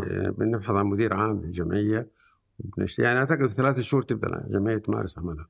طبعا إحنا ننشر الحلقة هذه قبل هذا الموعد بس يعني إذا مضى على هذه الحلقة ثلاثة شهور الرابط بيكون موجود. خلاص إخوانكم هو يحط إخوانكم آه موجود. جمعيه اسمها إخوانكم. خلاص فالرابط بيكون موجود في صندوق الوصف. اخذتنا في رحلة عجيبة والله رحلة عجيبة. آه كنت بدي أتكلم عن دور المرأة في ال... قولي. أنا عندي أخت فاضلة متعاونة معي اسمها فاتنه اليافي. أوكلت إليها مهمة آه إنه تتعامل مع الأبناء بدون وجودي أنا. أبناء ايتام الايتام الذكور عشان ندخل المرأة في حياتهم وتعلمهم كيف تتعامل. فبدأت تتعامل مع المجموعة من حوالي يمكن 15 ابن وقربت منهم مرة بشيء. وصاروا يقولوا لها ماما فاتن. وصارت تعزمهم عندها هي عندها شاليه في البحر. وتعزمهم في محلات السمك اللي في طريق جدة. وبعضهم اللي يمرض تزوروا فالحقيقة سوت نقلة نوعية في آه، فهم الأبناء هذول لدور المرأة. وإنه المرأة وهي كمان شعرت بسعادة. وواحد من الأبناء توفى الله يرحمه كان عنده سرطان. كانت والله فاتن يوميا تروح من شمال جدة إلى مستشفى الحرس تزوره. يوميا. لما مات فاتن تأثرت بموته حتى الآن لما تتكلمها وتتذكر تبكي فهذا شعور شعور جميل. شعرت إنه ده الولد ابنها. يعني هذا شعور مو سهل ترى. يعني أو مو شعور. إيجاد الرابط بين يعني دورنا نحن في الجمعيه نوجد الرابط بينك وبين الطفل الابن ده وبين المرأة وبين البنت؟ بس الرابط ده ده قوي وتعمق إلى هذه الدرجة إنه أقول لك فاتن تبكي إذا بس قلنا لها اسم عبد السلام اسمه اسم عبد السلام وذكرته تبكي. هذا هذا هذا عمل عظيم عمل عظيم. فعلا. عمل عظيم. للطرفين العمل ده بيخدم الابن وأعتقد إنه بيخدم الشخص. وطبعا في أجر أجر أجر للشخص اللي بيقوم بالعمل يعني. أنا اليوم بديت أدخل الأولاد حتى في بيتي. يعني مو اكتفيت إنه لا يعني يعني زوجتي اليوم قد جد يعني أولاد صار ولد أولادها أكبر منه. فبالتالي صاروا بعضهم مش كلهم. عزمهم على الغداء مع مع زوجتي مع أولادي مع أحفادي. بيشعروا إنه يعني يعني أنا حضرت عقد قيران أحد الأبناء في في القصيم. قال لي يا, يا أبوي هو ما يقول لي يا أبوي. قال لي أبوي اليوم عندي فرحتين فرحة عقد قراني وفرحة مشاركتك. أنت تخيل انه هذا الولد رايح يبي سياخذ قران ويروح لوحده. فأنا رحت وكان عندي أصدقاء في القصيم كلمتهم جو معانا فرحنا وواحد من أساتذته في الدار فرحنا خمسة ستة صرنا عزوة لهذا الابن وحضرنا عقد غرانه من الأسرة الفاضلة قبل التزوج بعدين وإحنا خارجين قال لي ترى آه يمه يقصد الزوج ترى يمه كلمتني وباركت لي الله يجزاها بالخير. هذا شعور طيب هذا شعور. يعني أنا أعتقد نحن واجبنا واجبنا كمجتمع آه انه نتعاطف مع هذه الفئة ونخدمها. لأنه أرجع أقول إنه ما لهم ذنب يعني والحقيقة أولاد والله وبنات. زي الورد يعني ناس يعني يتقبلوا الخير والحبة وإنه ما تنظر بنظرة الشفقة لهم لا. تنظر نظرة إنك بتساعده وتكون واحيانا أكون قاسي عليهم. أنا ما دائما والله أدلعهم. يعني أحيانا واحيانا أنا واحد منهم حطيته بلوك ثلاثة شهور. أيوه أمس أمس والله اللي فكيتها اذا أنت. أيوه لأنه أنت لازم توجهه. يعني زي ما ابنك توجهه توجيه صحيح. وتشعره بالف... بالفراغ. بس هي إيش إيش سوى؟ يعني استدعى ال block؟ تصرف تصرف خطأ ف يعني زعلت عليه وحطيته block وهو اتبهدل ما اتبهدل يعني اتبهدل عاطفيا يعني. أيوه في الثلاثة شهور إلين رديته أمس أمس رديته ويعني كان سعيد واليوم أرسل لي رسالة في الصباح. فيعني مو دائما أنا أقول إنه العلاقة بتكون اتجاهها كله إيجابي وحب وهذا في قسوة. حتى أنت بتعلم وتوجهه يعني هذا يعني الأقطاب الطبيعية لاي علاقة في أي. شفقه زايده أكيد إنه بتمارس. عليهم أحيانا كثير من القسوة حتى يصير تصحي مساره صحيح. أنت بتصحي مسار ال- ال- الابن صحيح. آه هذا العمل الخيري والإنساني والقصص الجميلة آه جميلة طبعا بس أشعر أن تجربتكم في الوداد أنها أيضا مؤسسية وأيضا محوكمة وأيضا فيها موظفين فإيش سر استدامة العمل الخيري من تجربتكم؟ شوف ال- العمل المسؤولية الاجتماعية في المملكة الحقيقة آه، فيها قصور قصور. والمساهمه في في مساهمة القطاع الغير ربحي في الناتج القومي في المملكة أقل من 1% وهذا شيء مو صحي آه، المعدل العالمي 5 ل 6% والرؤية الرؤية الحقيقة يعني هذا عمل عظيم ترى إنك أنت يعني الامير محمد بن سلمان حدد مجموعه أهداف وإنه لازم نوصل لهذه الهدف. الرؤية قالت إنه لابد نرفع الناتج القومي من العمل الغير ربحي إلى 5% فطبعا من أقل 1% ل 5% الفجوة كبيرة ترى كبيرة جدا. فالآن الحقيقة وزارة الموارد تشتغل يعني ليل نهار على إنه كيف نحن نشجع القطاع العام أو القطاع الغير ربحي أو المواطنين أو ال- آه، المجتمع إنه يساهم في مساهمة فاعلة في آه، الأعمال الخيرية. طبعا ديننا دائما يحث يعني أنت عندك الدين كل التوصيات في الدين الإسلامي هي نحو ال- المسؤولية الاجتماعية، إماطة الأذى عن الطريق صدقه. تبسمك في وجه أخيك صدقه، هذا كله إفطار صائم صدقه، يعني يعني ديننا دائما بيحثنا على العمل الاجتماعي. ونعتقد الآن التوجه إنه نرفع المعدل. فاليوم الهاجس عند وزارة الموارد البشرية إنه يزيدوا عدد الجمعيات. واليوم الهاجس عند الوزارة إنه الجمعيات القائمة تصير أفضل وإنه يصير العمل تخصصي. وهذه نقطة مرة مهمة. يعني الجمعيات ال- أنا أسميها سلطة اللي تسوي كل شيء اليوم ما لها مجال في ال- اليوم لابد إنه يكون عندنا جمعيات للمعوقين جمعيات للمكفوفين جمعيات للصم جمعيات للوداد جمعيات للمسنين جمعيات المرضى. يعني اليوم العمل يجب وحتى المرضى بده جمعية الإيدز جمعية الكبد الوبائي يعني حتى داخل المرض بده يكون في تخصصات حتى تقدر تؤدي خدمة بطريقة احترافية. يعني أنا اليوم لما يجيني يتيم معروف الأب والأم ما باخذه في الوداد. أنا آه متخصص. معروف الأب والأم ما ما يجيكم ما أنا رجل أو جمعيتنا متخصصة بطفل مجهول أبوي فخلاص هذا تخصصنا وخلينا نبدع في هذا لأنه هذا المجال وهذا مجال وآلية عمل مختلفة ومشاكل مختلفة ومشاكل وحلول. مختلفة. فأنا أقول يعني زي أنت لما تقول مريض إيدز وكبد وبائي هذا مختلف احتياجاته عن هذا. فأنت خليك متخصص أو كفيف وأصم وأبكم. هذا احتياجاته مختلفة. عن هذا فأنا أقول العمل اليوم يعني الجهود الجبارة اللي بتبذلها الوزارة في مجال آه، تأسيس الجمعيات تصحيح مسار الجمعيات السابقة التخصص وفتح مجالات جديدة. يعني أنا أقول كمان برضو دائما أقول إنه نحن يبغى لنا نعيد آه، خارطة الطريق نحو المسؤولية الاجتماعية. يعني نركز على أشياء نحط أولويات. يعني أنا أنا مثلا أقول إفطار صائم بنصرف فيه مبالغ خيالية قد ممكن المبالغ دي لو تحول جزء منها إلى أعمال نحن في أمس الحاجة لها ممكن يكون أفضل. يبغى نعيد خارطة الأولويات في العمل الخيري. جميل. يعني أشعر إنه إحنا في جيلين هنا جالسين أمام بعض. وعندنا إحنا نظرة ترى عن جيلكم. يعني أنت لما تقول إنك سويت شركة الآن فيها مئات الملايين وكذا أحس إنه شيء فات على جيلنا. يعني كانت كان كل شيء مختلف في وقتكم. وبعدين ما شاء الله خلصت هذه ورحت سويت جمعية وكذا. فايش يجي في بالك لما تشوف جيلنا إيش تحس ودك تقول لنا؟ وأنا أختلف معك. أنا أقول إنه الفرص دائما موجودة.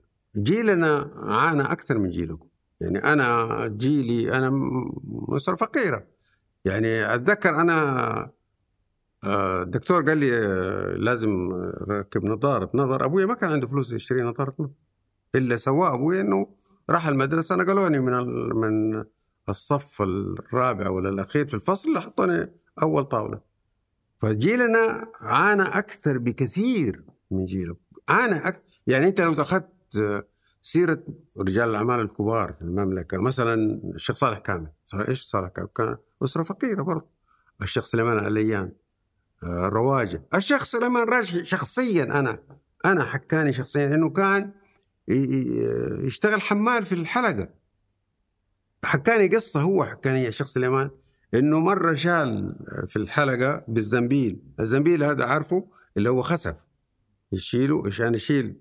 فقال إنه الرجل اشترى لحمة ولما آه وصل البيت وصل له اللحمة نزل دم على ثوب فالسيدة شافته يعني ولد غلبان فقالت له يا وليدي آه خليني أغسل لك ثوبك. فقال لها يا خاله فسخت ثوبي يعني يصير عريان. يعني ما بدي أقعد في البيت عشان تغسل ومتى ينشف؟ أعطيني ربع ريال أنا اغسله فيقول أعطتني ربع وكنت سعيد يقول بالربع ريال. ربع ريال. هذا الشيخ سليمان الراجحي إلى اليوم عنده بنك الراجحي ويمكن اليوم أكبر ملياردير. ال- آه، الوزير ال- البترول النعيمي صالح النعيم صالح لا مو صالح؟ عبد الله أظن. والله ماني متذكر. المهم يقول أنا أول مرة ألبس حذاء حذاء كان يمشي حفيان وأنا عمري سبع سنين ويقول كنت أشيل و- ولين أوصل المدرسة وألبس وقبل المدرسة. فتصور جيلنا أنا أعتقد جيل عانى وقد يكون معاناته السبب في نجاحه. فالجيل ده تعب وما مو مو إنه كان مرتاح ما حقق النجاح هذا إلا من معاناة معاناة ما هي سهلة. وجيلنا كيف تشوف؟ أنا أعتقد الجيل اليوم متعلم كويس يعني اليوم جيلكم وجيل أبنائي متعلم كويس معظمكم درس برا لغته الإنجليزية ممتازة بيستخدم تقنية الكمبيوتر اللي جيلنا ضعيف فيها. فأنا أعتقد الفرصة اليوم لجيلكم بالتأكيد أفضل بكثير من الفرصة اللي يعني ما حتمر بنفس المعاناة إنه والله ما يكون عندك نظارة ولا ما يكون عندك. أنا رابعة جامعة رابعة جامعة والله العظيم فتح في في الرياض شارع الوزير كنتكي فرايد تشيكن. فكرت أدخل وأنا رابعه جامعة. فكرت أدخل آكل وجبه شفت أول فلوس إيه لقيت ما عندي هي الوجبة ب 10 ريال ما عندي 10 ريال. اليوم طفل عمره سبع سنين سبع سنين في المدرسة بالتأكيد عنده 50 ريال في جيبه. مزبوط ولا لا؟ أنا رابعه جامعة ما عندي 10 ريال في جيب أنا كنت أركب كانت ال- الجامعة تعطيني أنت بتفتح لي الجامعة كانت تعطينا تذكرة مرة في السنة 120 ريال قيمتها من الرياض للطائف. طيب. أبيع التذكرة ب 80 لأنه أبيع الواحد الثاني بيستخدمها. وأركب ب 30 ريال عشان أوفر 50 ريال. وأركب من الرياض للطائف 12 ساعة في السيارة. ولا في مكيف ولا شيء. عشان كل في السنة أوفر 50 ريال. فجيلنا الحقيقة أنا أعتقد جيل تعب وما حقق النجاح ب- بسهولة. فرصتكم اليوم فرصة أكبر. لكن أنا دائما أحاول يعني أنصح الشباب. بدي أحط أشياء يعني الشباب إنه كيف ينجح. الفرصة كبيرة مت- أمامه متاحه لأنه متعلم صح. بده يخطط يعني أنا أعتقد أنت اليوم تبى تروح نيويورك. تبى تروح نيويورك. منا نيويورك. بدك تخطط كيف تروح نيويورك. بدك تشتري تذكرة. تبي تروح بالطيارة. تبي تروح بالسيارة تبي تروح بالباخرة تروح ماشي فلازم يكون في تخطيط. طيب بدي أروح بالطيارة. أي طيارة بدي أركب؟ أي خطوط هذه ولا هذه؟ أي سعر حسب ال budget اللي عندي. فبالتالي طيب أنا عندي كابتن صديقي. يقول لي لو أنا رايح من هنا نيويورك وانحرفت في كل ميل في السماء واحد ملي. واحد ملي في كل ميل. طيب ما حنزل في مطار نيويورك. صح. والواحد ملي على 10000 ميل حيفرق حيفرقوا فما حنزل في مطار. فبالتالي أنا أعتقد التخطيط مهم جدا إنه الشاب يخطط. اثنين يشوف قدراته إيش. يعني كمان لازم نفرق بين الرغبة والقدرة. يعني أنا أرغب اصير بس أنا ما عندي القدرة. يعني مثلا بصير طيار بس نظري ضعيف. هذه رغبة وقدرة. أشوف الشيء اللي أحبه. يعني مثلا اليوم ميسي إيش بيسوي؟ قول لي. كورة. إيش يسوي؟ بيلعب.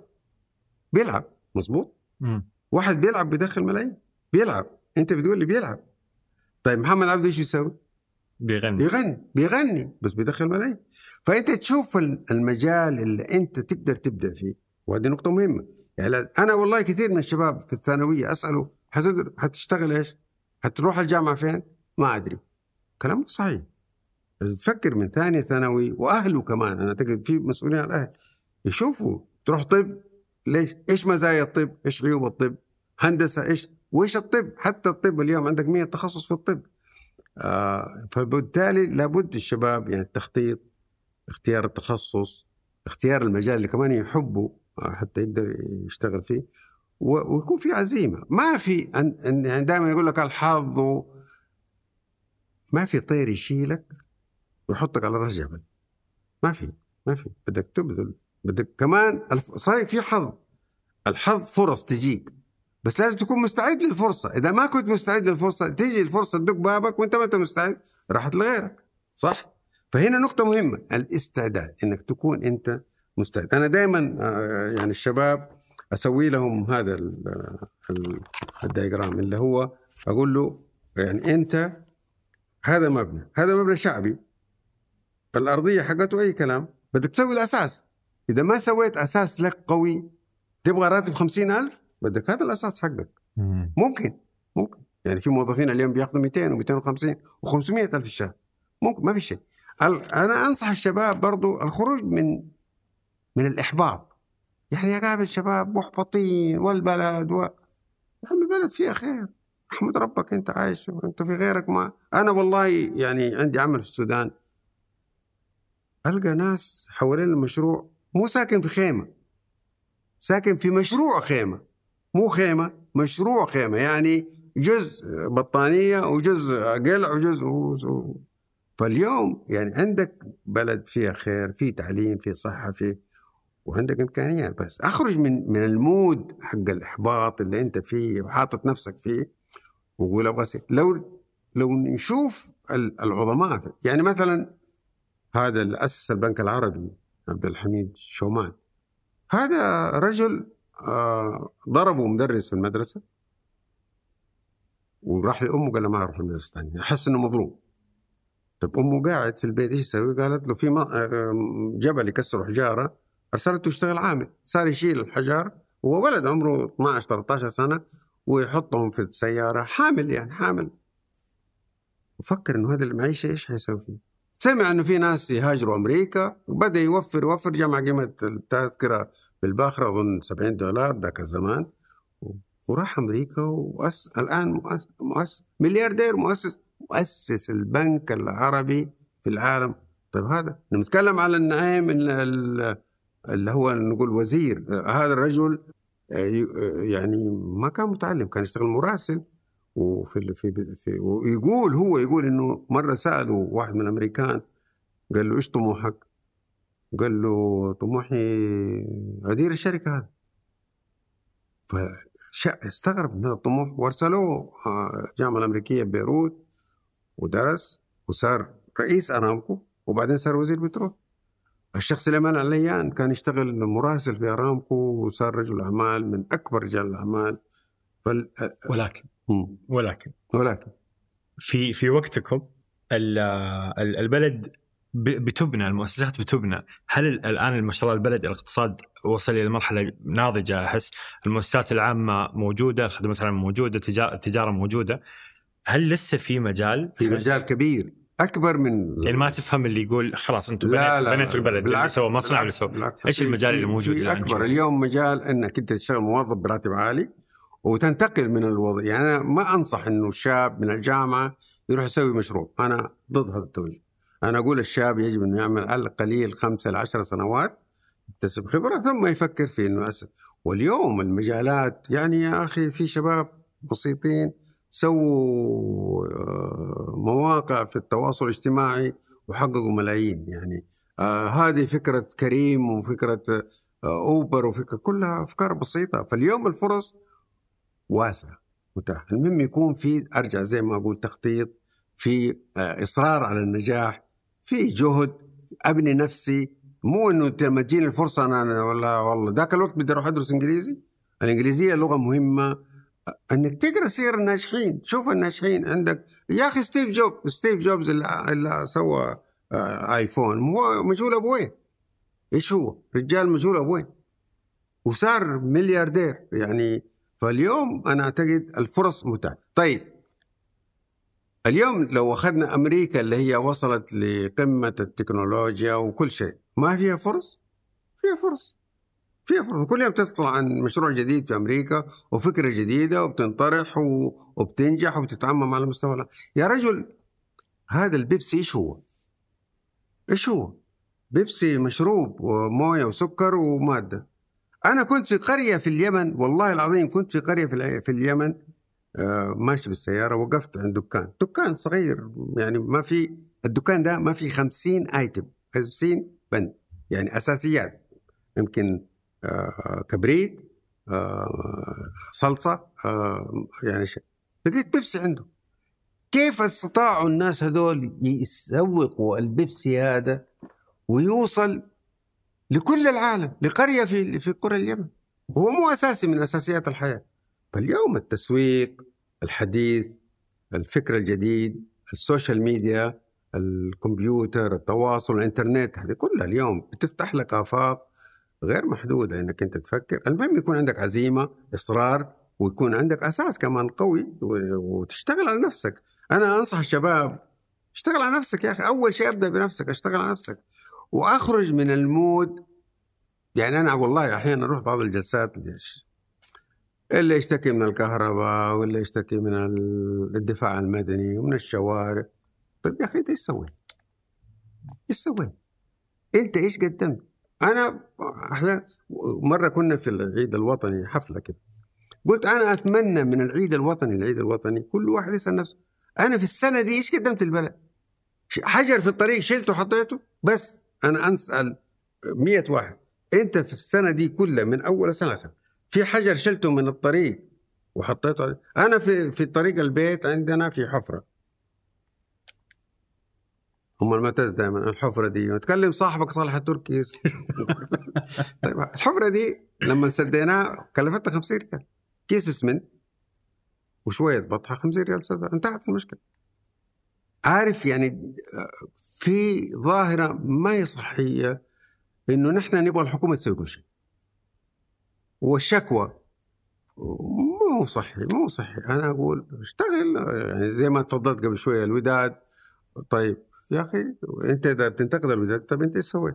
اديني اديني حل بديل. قول والله أنا عندي حل بديل كذا كذا كذا. أفضل من الوداد. أهلا وسهلا نقفل الوداد وناخذ بالحل البديل حقك. جميل. أنا أبغى أرجع للورقة فأنا ما يعني ما قريت منها حتى جوالي اللي في الإعداد ما فتحته. يعني آه، أشعر إنه اللقاء كان آه، أجمل كذا بعفويته فهذا الحمد لله. أنت سويت لي دائرة. رائعة جدا دائرة. بس آه، خلصنا اللقاء بالدائرة. طيب. يمكن أجمل من لو قعدنا نقرأ في الإعداد. فممتن والله على وقتك. وأشكرك صراحة من كل قلبي. يعني أنا أحب في مربع دائما اللقاءات اللي تكون يعني شخصية وإنسانية وتجربتك ما شاء الله عريقة جدا.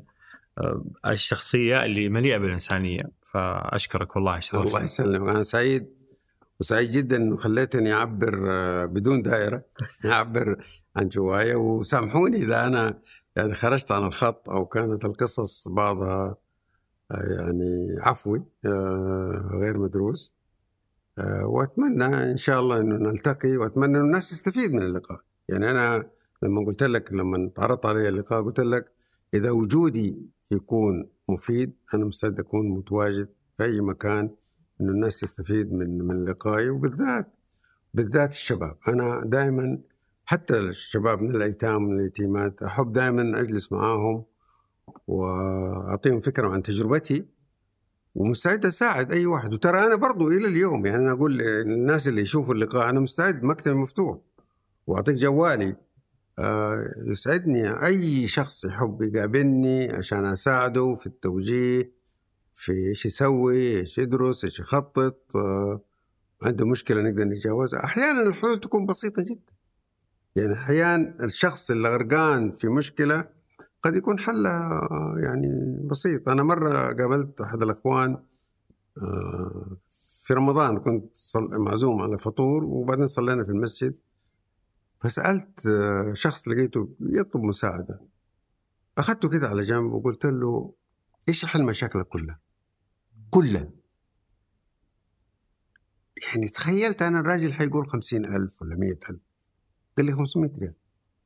تصور واحد مشاكله كلها 500 ريال. فاحيانا قد يكون مشكلة الشخص بسيطة وحلها بسيط. يعني بس هو نايم سهران قايم قاعد والشايل الهم ومو قادر يحلها وقد يكون الحل بسيط جدا يعني بسيط جدا. فأنا أرحب بأي إنسان يسمع عني يبغى يأخذ رأيي بالتلفون يزورني في المكتب. هذا دوري اليوم دوري واجبي إنه أنا أنقل خبرتي للآخرين بقدر المستطاع وإني أساعد الآخرين بقدر وبالذات جيل الشباب اللي أنا أتوسم فيه الخير وأرجع أقول انه الفرصة أمامكم أكبر بكثير بكثير من الفرصة اللي جيلنا لأنه زي ما تكلمنا قبل شوية في فرص كبيرة متاحة وشباب زي الورد أتمنى لهم التوفيق. شكرا. شكرا لكم. شكرا لكم شكرا لعبد الكريم العدواني في إعداد هذه الحلقة في التصوير نايف شار وفي التحرير ريان بكيل وجميل عبد الأحد. التسجيل الصوتي خلود حلبي والهندسة الصوتية محمد الحسن. وفي الإنتاج أيمن خالد ورزان هيثم وإلى أن نلقاكم الأسبوع المقبل بإذن الله. كونوا بخير.